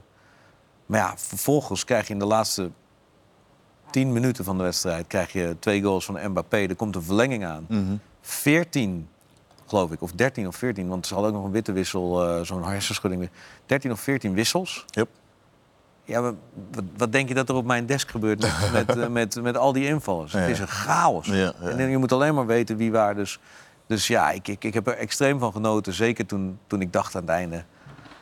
Het is oké gegaan. Het is de wedstrijd van, eh, van, van hun leven, maar ook van mijn leven Ja. geweest om te commentariëren. Want dat, dat was het. Ik denk dat ik nooit meer zo'n wedstrijd van commentaar zal voorzien. In ieder geval geen WK-finale. Mhm. Eh, eh, en, en daar heb ik wel, eh, daar heb ik na afloop wel een drankje op genomen. Van, Ja. nou, dit was wel. Dat mag ook. Dat- dit dat was mag. wel. Eh, ben daar moest je, zo jaloers. daar moest je wel, daar moet je overigens wel in Qatar even naar zoeken. Nou, Ja, ja, ja, nou, ja, nou. Maar dat heb ik, heb ik gevonden. Dus Ja. het was. Ja, en, en wat dan wel voldoening geeft, ik, om het af te maken, is dat je dus achteraf ook. Want je kan het ook verpesten, Mm. zo'n wedstrijd. Hoe, hoe fantastisch die wedstrijd ook is. Maar ik kan het als commentator ook verpesten voor de mensen. door gewoon het helemaal vol te praten. Of, Mm. of onzinnige dingen te zeggen. Of feitjes te gaan vertellen over eh, de broer van de zus van de. Weet je wel. en dat is denk ik niet gebeurd daar. Dus ja, Nee, je hebt het was- goed gedaan. Ik, Je hebt het heel goed gedaan. dankjewel. Hoe beter de wedstrijd, hoe minder je hoeft te doen Zeggen, ja. Ik denk het ook, Maar ja. dat is juist weer de kunst. Omdat Ja. heel veel Ja. mensen... Automatisch wil je meer gaan praten als het spannender wordt. Alleen dat is het moment dat je nu juist ietsjes jezelf moet terugtrekken. Dat hoeft dan niet qua toon of zo, maar iets minder praten. Laat die wedstrijd maar die wedstrijd zijn. Ja. want wanneer zoek je die momenten? En dat is, dat, dat, dat kan je, daar kan je volgens mij twee uur over eh, volpraten. Maar is dat op intuïtie? Is Ja. dat- ja? Nou, Sorry. Bouw je de intuïtie Nee, op? ik denk, ik, ik hou heel erg van het volgen van het ritme van een wedstrijd. En dat klinkt misschien een beetje filosofisch of zo, maar een wedstrijd heeft vaak een flow, toch? Ja. En dat is wat, het- wat ik aan de Premier League dus zo mooi vind, is dat die flow, dus Ja. de hele tijd, Ja. dat water dat klotst op en neer. En, en, en in Spanje is het vaak meer drukken, of in, in, in de Eredivisie dat het veel meer eenrichting verkeer is. Ik vind het het allerleukste als het spel op een gegeven moment zo op en neer begint te Mm. golven. En als je dat als commentator, qua tempo van praten en qua intensiteit van je stem, als je dat mooi kan begeleiden, dan zit ik echt te genieten. En dan denk Oké. ik, van, dit, is, dit is echt heel erg tof. Dat was, dus, dat was ook in het jaar dat, dat hij eigenlijk min of meer echt doorbrak voor het grote publiek, dat Ajax-jaar. Tenminste, dat eh, zeg ik daar iets geks mee. Dat was een beetje nee, eigenlijk nee, de, dat, de, de- ja, ja. dat was seizoen dat Ajax de halve finale de halve finale haalde. En hij, de- dat was natuurlijk ook ongelooflijk, want elke wedstrijd was zo'n wedstrijd. Ja, Ja. klopt. ja. En, en, dat, dat, en dat moet je dan nog fantastisch begeleiden. Maar dat, is natuurlijk, dat helpt natuurlijk wel. Tuurlijk, tuurlijk. Ja. En je blijft voor veel mensen in die herinnering van in zo'n fenomenaal seizoen Mhm. als Ajax destijds of, of een fenomenaal WK, dan hoor je daar een bepaalde stem bij Ja, als, man. als publiek, zeg maar. En, en terecht wat Jeroen zegt, dat is voor heel veel mensen die dat gevolgd hebben. Vincent Was- Schildkamp. Ja, vind, en nee, maar samen, samen met Ja, hij wordt vaak... Hij wordt Ja, vaak eh, ja. Dus, dus, dus, dus dat is wel, dat is wel ja, eh, mooi. Even terug te komen op, het- op het tempo. Hoe, hoe pak jij die momenten? Hoe- Op intuïtie of heb je bepaalde... Techniek. Nee, nee ik, ja, het is, het is, je laat het gewoon gebeuren. Ja. Maar kijk, het, wat natuurlijk wel zo is, eh, als je dingen langer doet... dat hebben jullie denk ik met deze gesprekken ook. De, de, deze gesprekken zijn denk ik al anders dan de eerste keren dat je er zit. Omdat je Ja. weet waar, zit je, waar zitten je valkuilen. En als je op een gegeven moment kan vertrouwen op het feit... dat je niet meer door een bepaalde ondergrens zakt... namelijk eh, dat het een onvoldoende is... Dan, dan kan je achterover gaan zitten als je je huiswerk goed hebt gedaan... en het laten gebeuren. Mhm. En dan kunnen er nog... Ik deed Ierland-Nederland Ja. eh, laatst. Ja. En je, ga je rustig zitten, denk kom erop. En na, na 1 minuut 8 eh, een, een terugspeelbal op, eh, op vlekken. Mhm. Die ga, en daarna een hoekschop, handsbal, penalty. Penalty. Mhm. En de boel staat in de, in de hands. Ja. Ja, dan is het niet meer rustig beginnen. En dan, Nee. en dan vind ik als commentator... aan de ene kant is het lekker dat het gelijk losgaat. Aan de andere kant heb je het idee dat je de hele tijd achter dat tempo aanloopt. Van, wow, wat is er net allemaal gebeurd? Heb ik het, is, is dat allemaal goed gegaan? Geen tijd om eraan terug te denken. Ga naar de bal toe. Dat gaat wel door je hoofd. Ja, ja, ja. Alleen als je het, eh, ja, als je het lang doet, Mhm. eh, dan heb je een bepaalde basis waar je wel denkt: oké, doe maar rustig. Ja. Het, het- het, het is wel oké. Of zeg ik iets? Nee, nee, nee, nee. Ik zat net te denken wat ik altijd het leukst vind tegenwoordig om te doen. Jij appte laatst ook een keer terwijl ik een wedstrijd deed van, ik denk PSV. Dat je zei, wat was je opeens stil tussen de 33ste en de 35ste Ja, minuut? zei- Toen had ik mezelf twee minuten straf gegeven. Ja. Omdat ik vond dat ik te veel aan het praten was. Ah. Ik denk van, laat die mensen even met rust, man. Die zitten Ja. voetbal te kijken. En wel tof dat jullie gewoon onderling wel gewoon eh, blijven communiceren erover. En Ja, maar ja, feedback dat- geven. Ja, Dat is wij- wel echt, ja, eh, en soms is het ook wel, nou ja, niet hard, maar wel eerlijk naar elkaar Nee. toe. Nou, kijk, in onze wereld is het, eh, is het merk ik, lastig om, om kritiek of te, te accepteren van elkaar. Want ja, eh, er zijn wel eens eh, mensen die denken van... God, dat zegt hij omdat hij misschien zelf, eh, ja, weet op je mijn plekje aast of zo. Maar, ja. ja, en, en dus moet je een bepaalde vertrouwensband hebben. Ja, ik vind het heel erg leuk om over mijn vak te praten. Ja. Ik denk ook bij mezelf, dat moet, dat moet kunnen. En ik kan het met hem zonder, enige, zonder enige rem erop. Mhm. En dat, dat, is, dat is gewoon heel erg prettig. En Terwijl dan ik kan je gewoon op zijn baan zit te aan. dan, ja, precies. precies. En ik wil graag Rondo presenteren. Dus dat betreft, eh, Ja, ja. ja, ja. Nou, gezellig. Ja. Maar hebben jullie nog eh, ambitie om andere sporten te Nee, voorzien nul. van commentaar? Nul. Jij bent een groot Nee, ja. voetbalfan. Jij bent honkbalfan inderdaad, ja. Ja, ik ben honkbalfan. Ik heb ook rugby gedaan. Oh, wow. Dus, eh, maar daar, ik kende die hele sport niet. Ten- Tenminste, ik kende de sport wel. Maar dat bij de NOS eh, vonden ze in ieder geval... ik denk dat het nu iets minder is, dat het goed voor je was... en dat kan ik wel begrijpen, om een andere sport erbij te nemen. Dus veel commentatoren, Jeroen Guter doet zwemmen. eh, Mm. en zo zijn er nog een aantal. Jan, Jan Roels doet zelfs paardensport. Waar, waar ze mij ook eh, ooit nog eens voor hebben gevraagd. Maar daar, daar ben ik van afgebleven, omdat ik dacht... ja, dat, dat past, dat, dat kan ik niet, vind ik niet leuk. Zo. Mm. Maar rugby heb ik wel geprobeerd. Oké. Dat je dan ook de Six Nations en zo. Ik ben naar bij Six Nations. Nou, dat, dat is, daar kan ik nog wel eens wakker van schrikken, eerlijk gezegd. Want er was de co-commentator, heette Sean Mellon, een geweldige vent. Die doet nu bij Ziggo ook het eh, co-commentaar. Die is toen denk ik twintig keer bij mij thuis geweest. Ze hebben een rugbywedstrijd, iedere keer pauze. Ja. Uitgelegd, iedere keer pauze. Dus ik probeerde het te begrijpen. En toen ging hij, gingen we samen naar een Six Nations wedstrijd. Ja. Ik denk, nou, ik ben er helemaal klaar voor. Dit wordt, eh, dit wordt genieten. Sean Mellon naast me als co-commentator. Die wedstrijd begint en ik kijk zo over mijn monitor het veld op. En ik ben gelijk weer teruggegaan naar mijn papier. En, eh, en ik heb de eerste 25 minuten alleen maar de naam genoemd van de rugbyspeler die de bal had. Want het was... En dat is natuurlijk in de kern wel goed om uit je comfortzone te gaan. Ja. Ja. Ja, maar kijk, ik doe dit werk omdat ik van voetbal hou. Ja, zeg maar. Je hebt ook veel mensen die, die in de media werken en die ook gewoon eigen huis en tuin zouden kunnen gaan presenteren. Of commentaar Dat zou, zouden dat kunnen gaan zou geven. jij trouwens ook kunnen. Denk ik wel, want ik heb een hele leuke tuin. Maar, Ja. ehm, maar dat, dat is niet mijn ambitie. Ik wil bij voetbal zijn. Ja, ja, ja. Weet je, dat is mijn grote liefde. Ja. Ik wil iets met voetbal doen. Moet En iets je- met media, want dat vind ik ook. Maar die comfortzone, dat begrijp ik. Het moet uit je hart komen. Ja. Maar ik moet je zeggen, Intrinsieke Kemmer, liefde voor wat je doet. Zeg maar. Ja. dat, dat heb ik bij geen enkele andere sport. Ah, dus Maar ik ben, ik ben het met je eens. Alleen, er waren heel veel collega's van mij die zeiden... maar je kan ook, je kan ook die liefde gaan voelen als je je verdiept in een sport. En ik bedoel, dat rugby is daarna heel snel weggegaan bij de NOS... dus ik ben daar niet te verder gegaan. Maar ik merkte wel... Maar ik zei, ik wil een balsport. Hè. Het moet echt wel een beetje... Ik merkte wel dat, dat het iets los kan maken bij je. Mhm. En honkbal hebben wij eh, bij de NOS niet. Maar daar ben ik echt gewoon... eh, ik ben bij voetbal eigenlijk... kom ik niet meer in stadions als, als fan al jaren niet meer. Maar ik ben wel groot fan van de San Francisco Giants. Mhm. Ja, daar ga ik gewoon echt als fan naartoe. In een shirt van de Giants. Ik ga ballen vangen. Ik ga schreeuwen, klappen, hotdogs eten en zo. Barry Bonds. Dat wat, ik, wat, dat wat ik bij voetbal niet meer kan door mijn werk... doe ik daar in Amerika. Mhm. Met mijn hele gezin. Ja, ik vond Mart Smeets altijd goed tijdens basketbal. Ja, Mart Smeets is fantastisch. Legendarisch. Ja. Tijdens de playoffs. Thank you. Nee, thank you. Ja. Ja. Wat onderschatten mensen aan de baan commentator zijn? Goeie vraag. Nou, je kan hem ook omdraaien, want je moet het... Kijk, we, we hebben het er heel serieus over. En, Ja. en, en Jeroen en ik kunnen avond aan avond op deze manier over het vak praten.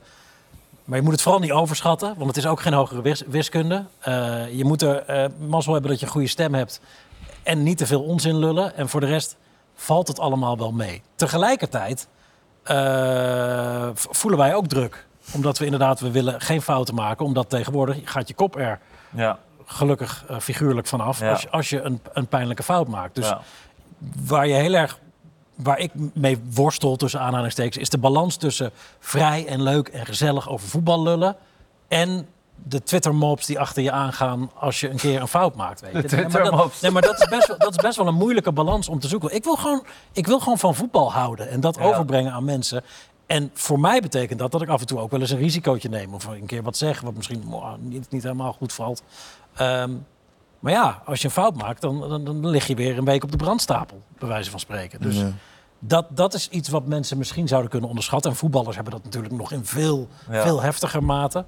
Ehm, maar ik denk dat dat misschien Ja, al is Twitter Wel een medium waar iedereen het inderdaad als een soort moeilijke wetenschap ziet. eh, ja, de precies. en nou ja, goed, maar als je naar ons luistert nu, dan zou je misschien kunnen denken dat wij het ook als een, als een, eh, eh, Maar dat is leuk. raketwetenschap- Dat is, Nee, als wetenschap zolang van je maar- voetbal, ja. Precies, zolang je maar op tijd afstand kunt nemen. Ja. En dat heb, merk ik bij mezelf ook nog wel eens. En dat is ook wat Jeroen net zegt. Van je doet het dan een WK-finale of het Nederlands elftal. En dan kom je thuis. En dan blijkt dat de wereld gewoon het gaat, door, ik bedoel, doorgaat. het gaat, het gaat, het gaat- het gaat- kijk, op het moment dat je gaat denken dat je, de, dat je belangrijk bent, dat Ja. je er belangrijk door wordt, dan, dan ben je denk ik een soort van verloren. Dus eh, je moet vooral beseffen dat je...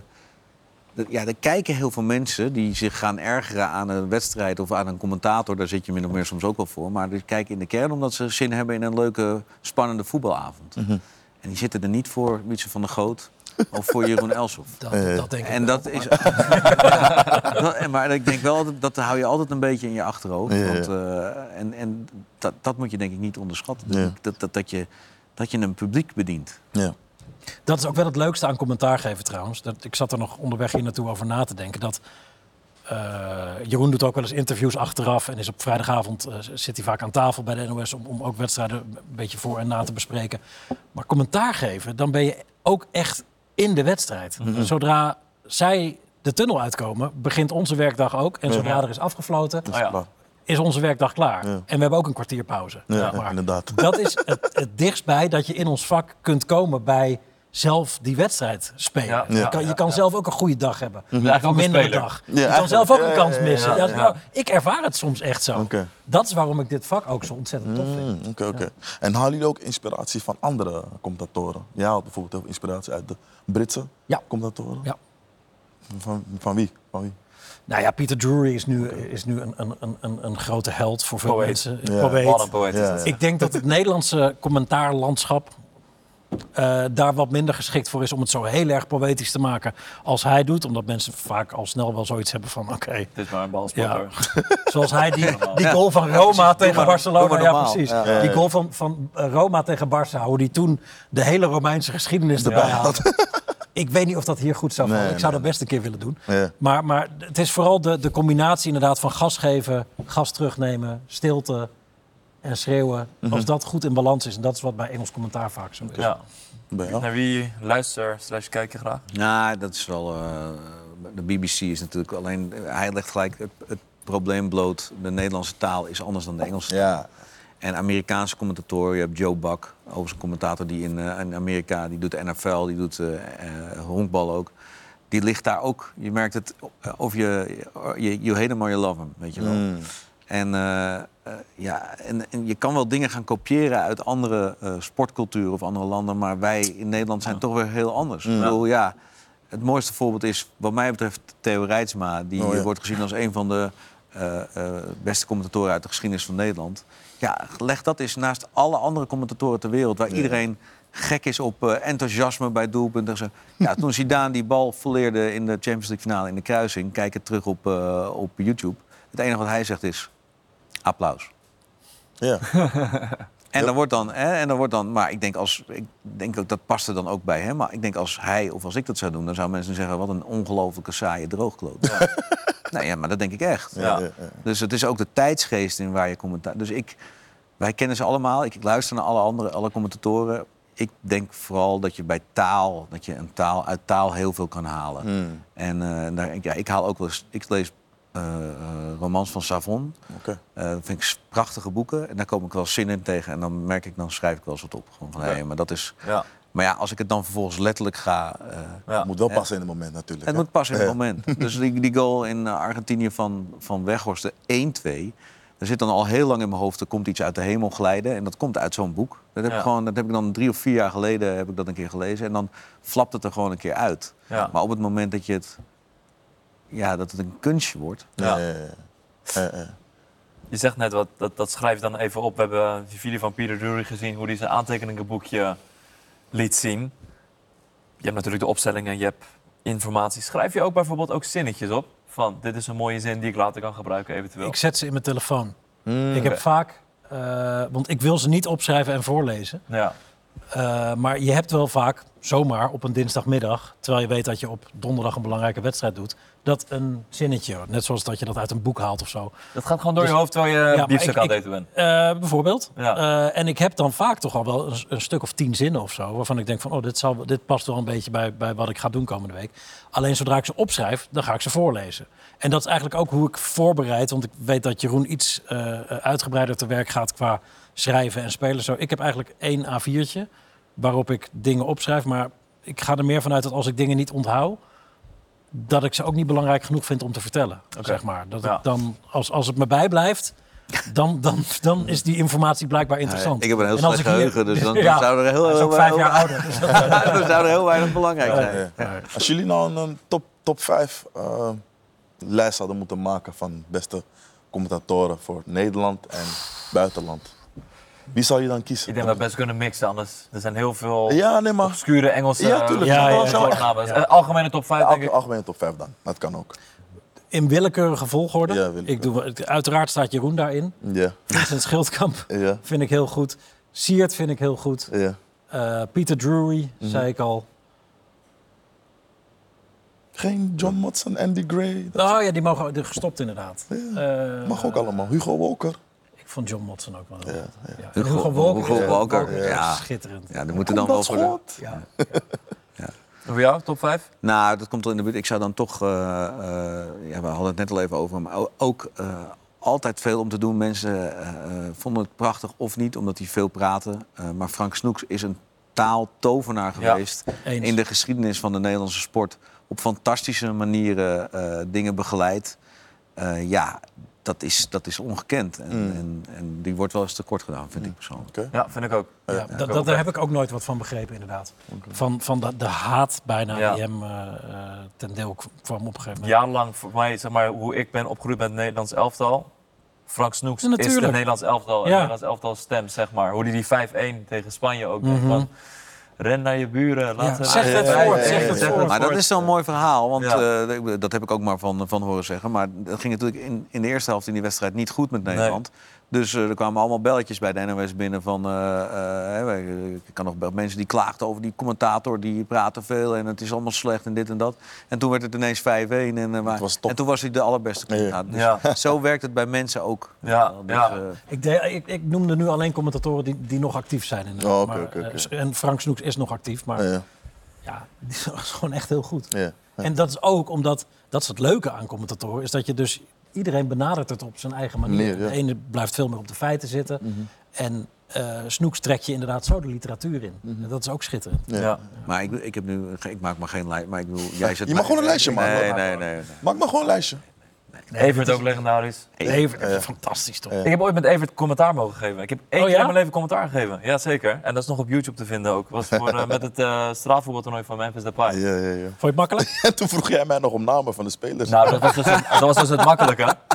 Dat was dus het leuke. We hadden geen spelerslijst gekregen. Gewoon nul. Geen rugnummers. En er speelde soms wel een wedstrijd. Daar speelde het team Bordeaux rood tegen rood. Ja, dat is niet te Dus Evert zei tegen mij... Hey, als jij gewoon zegt wie er aan de bal eh, is, Ja. dan, dan praat ik er wel omheen. Zeg, ja, is goed. Toen heb ik aan iedereen heb ik echt gewoon aan de hand van beeld heb ik Ja. screenshots van hoofden gestuurd op beeld. Van weet jij wie deze gozer is? Dus dat was ook totaal rommelig. Maar het was wel een leuke, leuke ervaring om naast zo'n legende zeg Ja, maar, ja. eh, commentaar te geven. mij- Fantastisch. kan je een linkje appen straks? Ja, ja, ja, ja, ja, ja. Weet je, dat is de meest gestelde vraag trouwens op het schoolplein of zo. Weet je, dat mensen dan vragen van... Ken jij dan echt al die 22 spelers? Terwijl dat natuurlijk Ja. de basis is, zeg maar. Eigenlijk, Ja, eigenlijk wel. Die mensen denken van ja, als, als je die kent, dan Ja. zit je dag erop.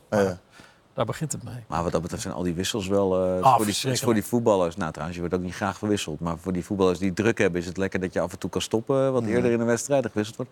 Maar voor een commentator is het... eh, Chaos. Ja, het is gewoon de hel op aarde. Als Ja. dan zit je daar en dan zit je net... dan, dan zit je... Dan zit je Oké, eh, soms voelt het zo. Weet je Ja. wel. Ja, ja, Dan zie je ja, ja, zes ja, van die gasten staan en dat je denkt... Ah, en dan is die wedstrijd alweer bezig. Zit je. Nou, het is Die driedubbele wissel. Vroeger was een driedubbele wissel was natuurlijk een soort unicum. Ja. Ik weet nog dat Mourinho dat een keer deed. En dat Ja. iedereen toen zei, heeft er alle drie tegelijk gewisseld. Ja, ik heb En wel- nu staan er soms drie aan de ene Ja. kant en drie aan de ik, andere ik kant. zie er wel eens één op doel aflopen nu tegenwoordig met al die wissels. En ik denk, Ben jij erin? Ja. Hè? Jij staat toch op de bank? Wat is er? eh, ja. En dan wordt het even stil en dan, kijk je, en heb je gelukkig een herhaling. Maar ja, Het is echt grappig. Dat, dat, daar hou je als fan totaal geen rekening mee. Ik zou- Maar dat dat voor jullie nieuw is, dat er opeens heel veel driedubbele Nee, wissels is. Het Dat- mooie is, mensen op tv hebben dan soms gewoon die, hebben die titel in beeld Ja. gezien en weet ik het wat. En wij zijn dan met het.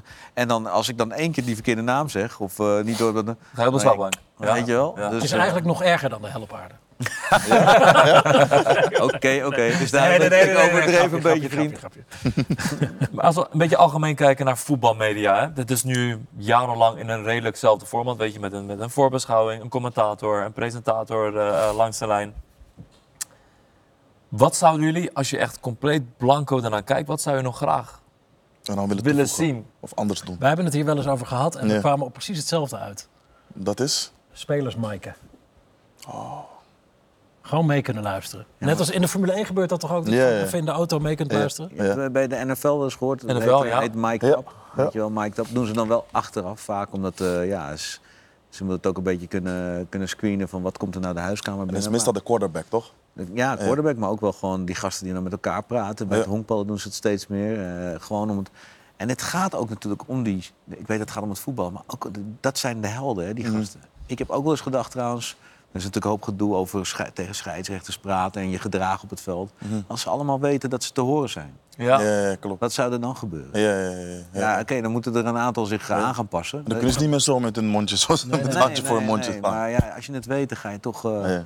Maar in de kern moet het bedoeld zijn niet om ze af te luisteren. Nee, maar nee. omdat het gewoon te gek is om Ja. te horen hoe die Nee, gasten op Ja. het De veld... ervaring die ermee Ik zag, die ik zag laatst een fragmentje op social media. was een wedstrijd van Anderlecht. En Ja. eh, Jan Vertongen werd ja. gemaakt. Fantastisch. Fantastisch. Ja. Dat is- Hij- hij- hoe hij zijn teamgenoten soort van helemaal door de wedstrijd heen sleepte. Maar dan ga je het Ja, snappen. ja, dan ga je het snappen. Ja. Ja. En er was een jong talentje naast hem, weet je wel, die helemaal, helemaal onvolwassen was. Ja. En hij nam hem gewoon helemaal mee door de wedstrijd heen. Prachtig. wat vinden jullie daarvan? Dat heeft Kuln eh, tijdens de voorbereiding een keer uitgeprobeerd. Ik vond het best wel vet om te zien. Ja, ik heb, ik heb die beelden ook gezien. Toch te schokkerig. Het Ja. beeld is goed genoeg. Ja. Het geluid is Het gaat wat verbeteren met de technologie. Ja, er gaat een moment komen Ja. dat zeg maar, echt een point of view van een speler hebt. Ja, en als dat dan een beetje eh, steady is. Ja. Maar jullie, eh, jullie spreken ook echt veel voetballers op een andere manier als ik. hè. Ik schrijf vaak voor de Kamer. Maar als je nu naar voetballers toe gaat... en je gaat ze zeggen, jullie worden gemiked en het is gewoon altijd te horen. Wat denk je dat ze zeggen? Ik denk dat de meesten niet direct enthousiast zijn. Nee, zeker niet. Nee. Terwijl het ze wel niet. echt heel veel kan brengen. Want Ja. het kan natuurlijk ook echt het nog toffer maken. Ja, maar Ja. dan denk ik dat het goed is als bijvoorbeeld alleen aanvoerders het zouden kunnen doen. Dat zou, dat Ja. zou ook kunnen. Ja. Ja. Iedereen wordt misschien wel heel Nou, Ja, goed, een ja. aantal, ja. Ja. Je kiest er drie per wedstrijd. snap je? Ja. Dat, Maar eh, kijk, de, de- de- clubs, als clubs meer doen in media, dan doen ze het al vanuit zichzelf. Omdat ze Juist. kunnen kijken van, hey, eh, eh, ja, wij, wij willen kijken wat we naar buiten brengen. Hè, want Mhm. het kan ons eh, image beschadigen. Of, dus ik, ik snap dat heel goed. Maar dit zijn toch wel de dingen waar je aan Ja. moet denken om die sport nog, ja. nog, nog dichterbij te brengen. Precies, toffer. precies. Alleen vaak wordt het tegengehouden. Ja, ja. Eh, eh, Heel traditioneel Ze zijn heel, heel conservatief. Ja, ja, Ja. En jij zei het aan het begin van, eh, van, eh, van, eh, van de aflevering van... Kijken mensen onder de 30 nog wel eens een wedstrijd van 90 minuten vol? Dat is best wel een ding wat gaande Ja, is. ja. Volgens mij Florentino Perez die hamert heel erg Ja. op. Ook vanuit de. Super League van... We zijn, we zijn de aandacht van de jongeren aan het verliezen. Want Ja. die spelen veel liever een, een spelletje FIFA, of die FC heet het tegenwoordig... dan dat ze echt 90 minuten naar een wedstrijd kijken. Ik zie het bij mijn zoontje. Die Ja. is zeven en helemaal lijp van voetbal. Ja. Alleen die is tijdens een wedstrijd, als er even een paar minuten niks gebeurt, dan zie je hem, dan gaat hij aandacht. Daarom is de switch van Siggo zo top. Zeker weten. Dat is top. Is top. Want soms, sommige wedstrijden zijn gewoon heel gesapig. Ja, Dan denk je van ja, jongens, eh, ik ga toch weer even seppen. En zo'n switch die, ja, het beweegt, het gaat, je gaat erin mee, weet je wel. Ik denk dat de grootste uitdaging ligt van hoe kan je het interactiever maken. Ja, omdat, deze, omdat deze generatie, en ook weet je, wij ook, wij groeien op met voetbalspelletjes. Dat is interactie, dat is zelf een speler besturen, dat is zelf bepalen hoe de opstelling eruit ziet. Hoe kan je zeg maar, vraag me niet hoe, hoe kan je zeg maar dat interactieve op een of andere manier bij een, een, een, een, een voetbalwedstrijd krijgen? Want voor jongeren is het dan zeg maar, je doet helemaal niks en je moet alleen maar kijken. ja, Ja. ja. Ik denk dat we eerst moeten beginnen met entertainment. Weet je wel, als je kijkt naar de Amerikaanse sporten, hoe, ze, hoe zij het daar beleven qua entertainment. Dat, dat voetbal dat er wel heel veel van kan leren. Weet je wel, eh, in de rust, wat meer activiteiten. Ja. Weet We je wel? waren bij de Champions League finale, Ja, toch? ja. Mensen waren heel boos, toch? Om die Ja. show die ervoor Ja, zat. dat Omdat ook de spelers konden geen warming-up meer Nee. doen en zo. Ja. Ja. Voetbal is daar niet... eh, Nee, is nog niet klaar ik ben- voor, Ik maar- ook, toch- toch- nee, maar. Toch heeft het, slecht, toch heeft het ook met je publiek te maken. En, want ik bedoel, in ieder stadion zit natuurlijk ook gek genoeg ander publiek. Klopt. Want eh, ik, bedoel, ik heb dan laatst eh, wat- heb ik de interland tussen Nederland en Engeland in Utrecht gedaan van de vrouwen. Mhm. Nou, daar had, hadden ze zeg maar marketingtechnisch gezien zo uitgepakt. Ik had het nog zelden gezien bij een Nederlandse wedstrijd. Dus het volkslied werd door eh, drie zangeressen op een groot podium, Eugene, ge- gezongen. Er was heel veel vuurwerk, er was heel veel omheen. Er zitten natuurlijk ook heel veel, ook heel veel kinderen en heel veel, eh, ja, toch andere fans dan bij, bij de Eredivisie. Ja. Ja, het was gewoon een topavond. Dat neigde naar Amerikaanse entertainment. Ja. Maar dat wil niet zeggen dat dat past bij, nou dan gaan we weer, bij Vitesse tegen... Nee, nee. nee, maar ze kunnen testen bij grote wedstrijden, weet je wel? Ja, of korter maken. Maar ja, ja, inderdaad. ja. Maar goed, ja. Maar er zijn eerst een hoop andere problemen op te lossen. ook. Ja, zeker. eh. Weet je, bij mij thuis werd er gezegd alleen nog maar kinderen het stadion in. Natuurlijk niet haalbaar, maar ik vond het wel een grappig idee. Dat viel ons in Qatar ook op. Ja. Veel meer families. En Ja. als je naar een Ja. Eredivisie-kraker gaat, dan is het echt gewoon eh, volk tegen volk. Zo. wat. Ja, Nee, Spanje, die- Spanje ook. Maar die, eind, maar die eindtoernooien, die zijn gewoon fantastisch. Als het gaat Ja. om hoe het er in die stadions, wat er in die stadions zit en hoe dat beleefd wordt. Mhm. Dat is gewoon... Daar krijg ik... Ik ga niet voor niks vaak naar Amerika. Want ik vind dus het geweldig om in die MLB, om in die honkbalstadions te zijn met mijn gezin. Gewoon... Het is gewoon fantastisch. Ja, ja. Iedereen is veilig. Het is gewoon allemaal fantastisch. Mhm. En op grote toernooien heb je ook die sfeer gewoon, Ja. weet je wel. Alleen, Ja. ja. Maar het zijn die kleine dingen ook bij de NBA, die kisscam, weet je wel, dat soort dingen. Of dat je even moet dansen als een camera voor je komt. ja, totdat je in beeld komt is het leuk. Ja, nee, maar het is leuk. Als je dan thuis zit, dan je, heb je toch iets om naar te kijken. Je? Of ze doen, we hebben een transfermarkt van drie maanden. Ja. In de NBA heb je, heet het nou ook alweer? De draft. Draft. Draft. De draft day. Zou dat in voetbal kunnen werken, denk je? Dat je alles zo in een, in een kort, dat het echt gewoon een... Nou, het, zou Ja, het, in- het zou het in ieder geval wel eerlijker maken. Alleen ik denk Ja. dat... eh, Ja, Fabrizio Romano en Afif Liva hebben wel een soort deadline day eh, dag achter. Ja, dat- ja, maar FC zouden ze wel ook, maar ja, dat is zeg maar één kunnen- dag. Ja, dat zouden ze beter kunnen maken. Ja, En het werkt wel, hè? ja. Ik vind dat moeilijk. Ja?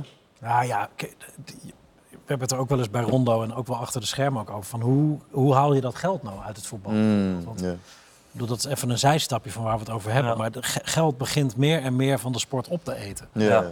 Ja. Eh, en ik zie dat ook weer bij kinderen van de leeftijd van mijn kinderen. Die beginnen dan tegen mij. Zeggen, hey, jij werkt de, hoeveel geld heeft Ajax nu?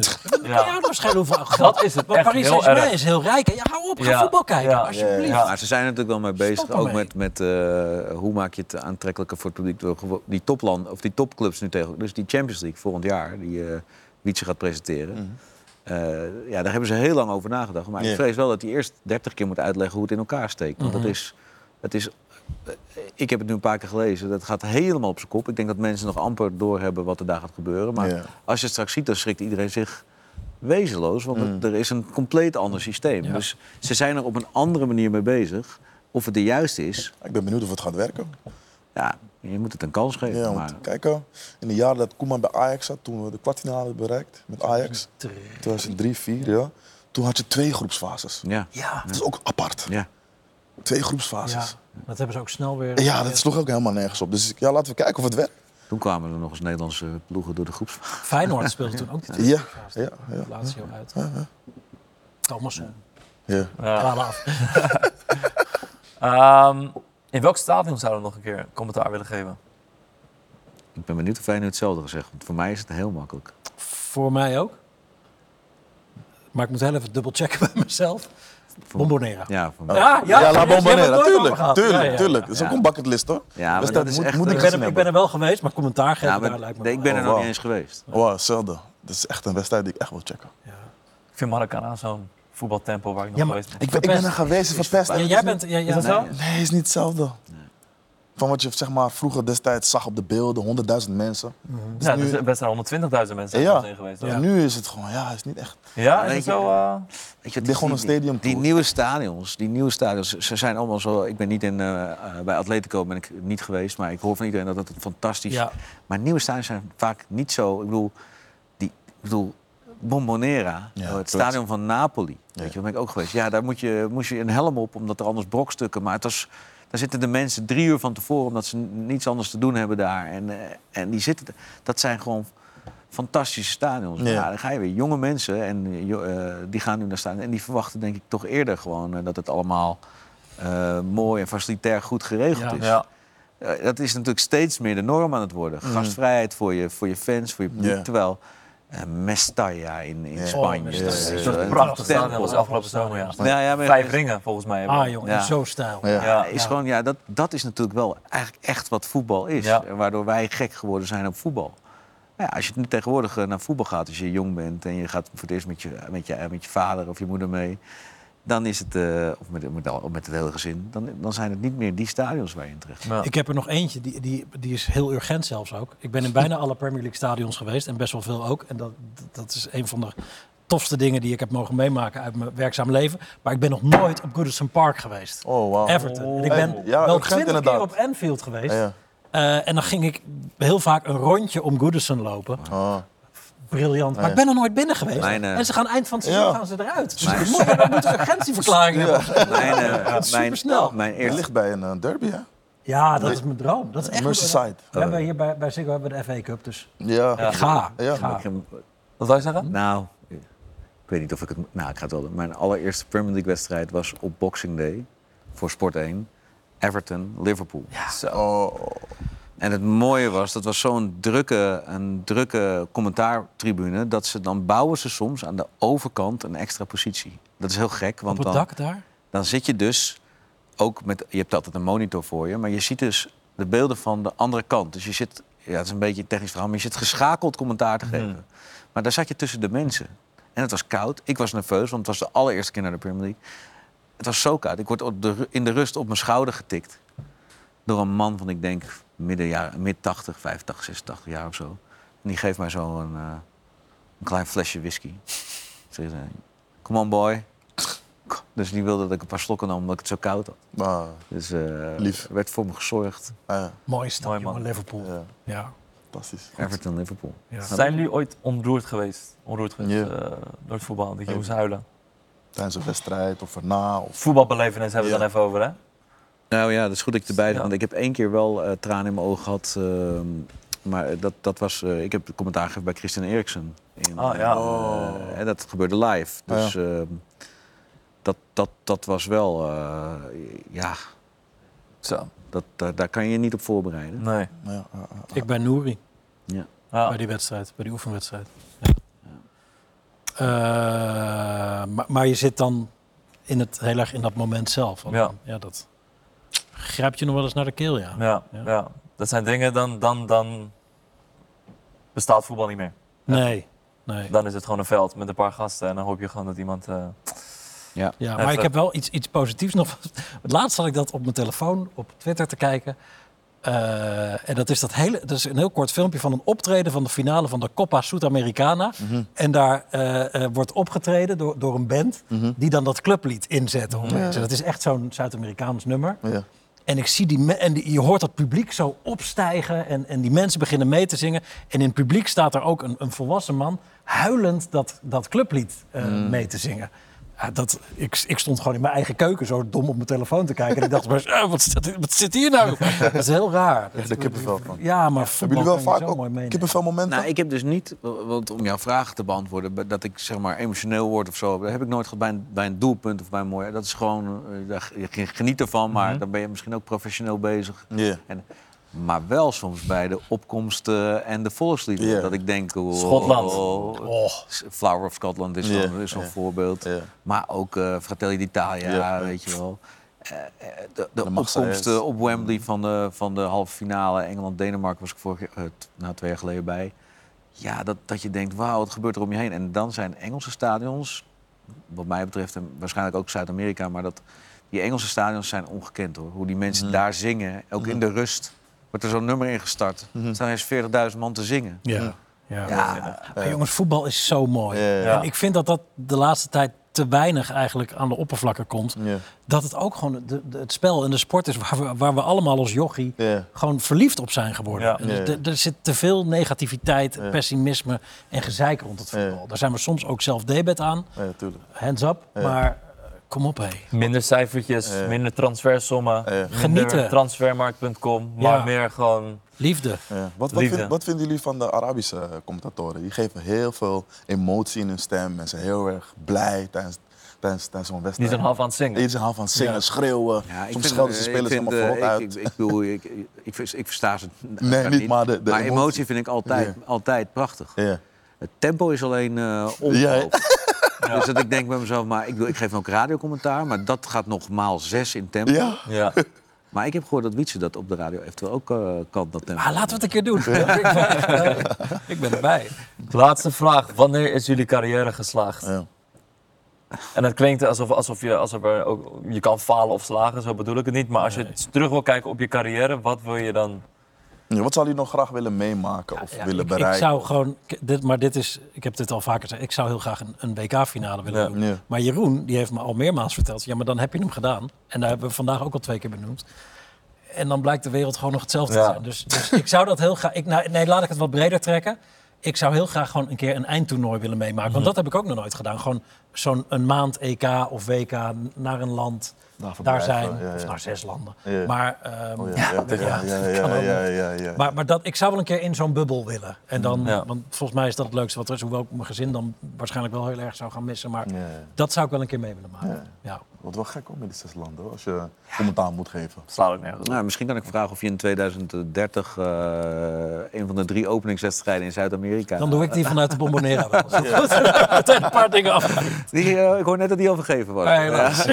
Nee. En voor jou, Jeroen? Ja, voor jou? Nou, weet je, eh, nu ga ik een beetje zweverig klinken eigenlijk. Maar eh, waar, je, waar ik toen ik begon met dit werk dacht, daar, dat is mijn ambitie en dat is mijn lat. En nu wil ik eigenlijk gewoon eh, in totaal gewoon gelukkig zijn en blij zijn met wat ik doe. Zowel privé als in werk. Het is een totaalpakket. En als, we gewoon, nou ja, als je gewoon blij bent en mensen zijn oké met je als commentator... en het is allemaal een beetje respectvol naar elkaar toe... en je geniet van alles, dan, ben ik, dan is mijn carrière Geslaagd. gewoon geslaagd. Dat is belangrijk. Ik, wil- eigenlijk gewoon, ik wil niet dat dingen afhangen van. eh, ik wil niet dat mijn geluk afhangt van wel of geen finale. Ah, of wel of geen eh, fout in de wedstrijd. Ik wil gewoon Mm. genieten eigenlijk. Oké, En als je een eh, jong persoon of een, persoon die ambitie heeft om commentator te worden, eh, wat voor tips zou je dan die meegeven? Nou, eh, dan zou ik toch Leo Driessen willen herhalen en dan zeggen: doe vooral je huiswerk eh, goed. Ja. En, eh, en, en ga ervoor. Ja. Maar, maar ga ervoor. Ik bedoel, Mm. Er zijn heel veel mensen die zeggen tegen je als je jong bent: ja, maar dat, dat gaat je niet lukken. Of dat zijn er niet zoveel. Of dat kunnen er niet zoveel. Dan moet je je dus never nooit door laten tegenhouden. Nee. Nee, wees brutaal. Maar niet te. Ja. Nee. En dat je eigen commentaar op samenvattingen als je ze moet maken. Ja, nou ja, Dat ja. Dat als je om die kans hebt, is het een groot voordeel. Ja. Ja. Wow. Hebben jullie nog tips voor ons? Nou, ik vind, maar ik, we hebben het hier ook wel eens buiten camera om over gehad. Ik Ja. vind dat jullie, eh, het is alsof we het hebben voorbereid, maar ik vind dat jullie heel uniek zijn in jullie stijl en wat jullie maken. Dus jullie moeten vooral niet te veel van gasten als wij aannemen. Dus dat is mijn tip, om niet naar ons te kijken en niet naar ons te luisteren. Omdat jullie wel bepaalde gasten bereiken die voor ons soms al door generatiekloof of Mm. door culturele verschillen moeilijker te bereiken zijn. Dus Mm. ja, Oké. Dank je. Nou, want ik zou bijna zeggen, blijf jezelf.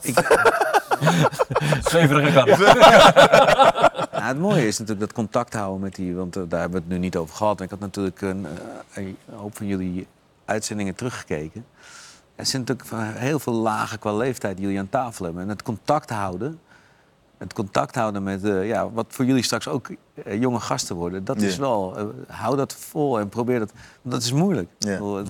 Ik merk soms altijd die gasten, dan komen die gasten van 22 voor de camera staan. Dan zeggen ze u en meneer. Terwijl ik in mijn hoofd nog, nou, nog wil levelen en denk Ja. nou zo, hé, maar ik voetbal zelf ook. En ik oh, nog op een ander niveau, maar ik weet, dat, op een gegeven moment gaan ze je zien als wat oudere ga- gasten. Dat, Ja. is, Ja. dat is eigenlijk best wel vervelend. Ja, terwijl dat me ook wel, mij persoonlijk ook wel weer geholpen heeft. Dat je, als je net met het werk begint, heb je dezelfde leeftijd als de gasten die je staat te interviewen. En nu zit er... Een Soms kan het ook wel weer, want Ja. we hebben, nu heb ik Matthijs de Licht zelf zien komen, zeg maar. Ja. Ja. Dus dat, dat, dat is dan iets makkelijker kritisch zijn dan wanneer je Rafael van der Vaart staat te interviewen. Ja. Voor wie je een dag later nog, eh, of daarvoor nog in de kroeg hebt staan juichen, zeg maar. Ja, ja, ja, ja, ja, ja, ja, ja. Ja, dus enige senioriteit is ook wel weer fijn, maar het is ook wel lastig soms. Oké, dankjewel. We gaan het meenemen. Ja, ja, gaan- Dank jullie wel. En eh, we hopen nog jarenlang eh, van jullie eh, Stem. stem te mogen genieten tijdens, tijdens de wedstrijd. En ik waardeer het ook ontzettend dat jullie eh, hier zijn langsgekomen. Nee, leuk Ja, man. vond het heel leuk. Dank jullie wel. Dank Yes, graag gedaan. Jeroen, dankjewel. hè. Dankjewel.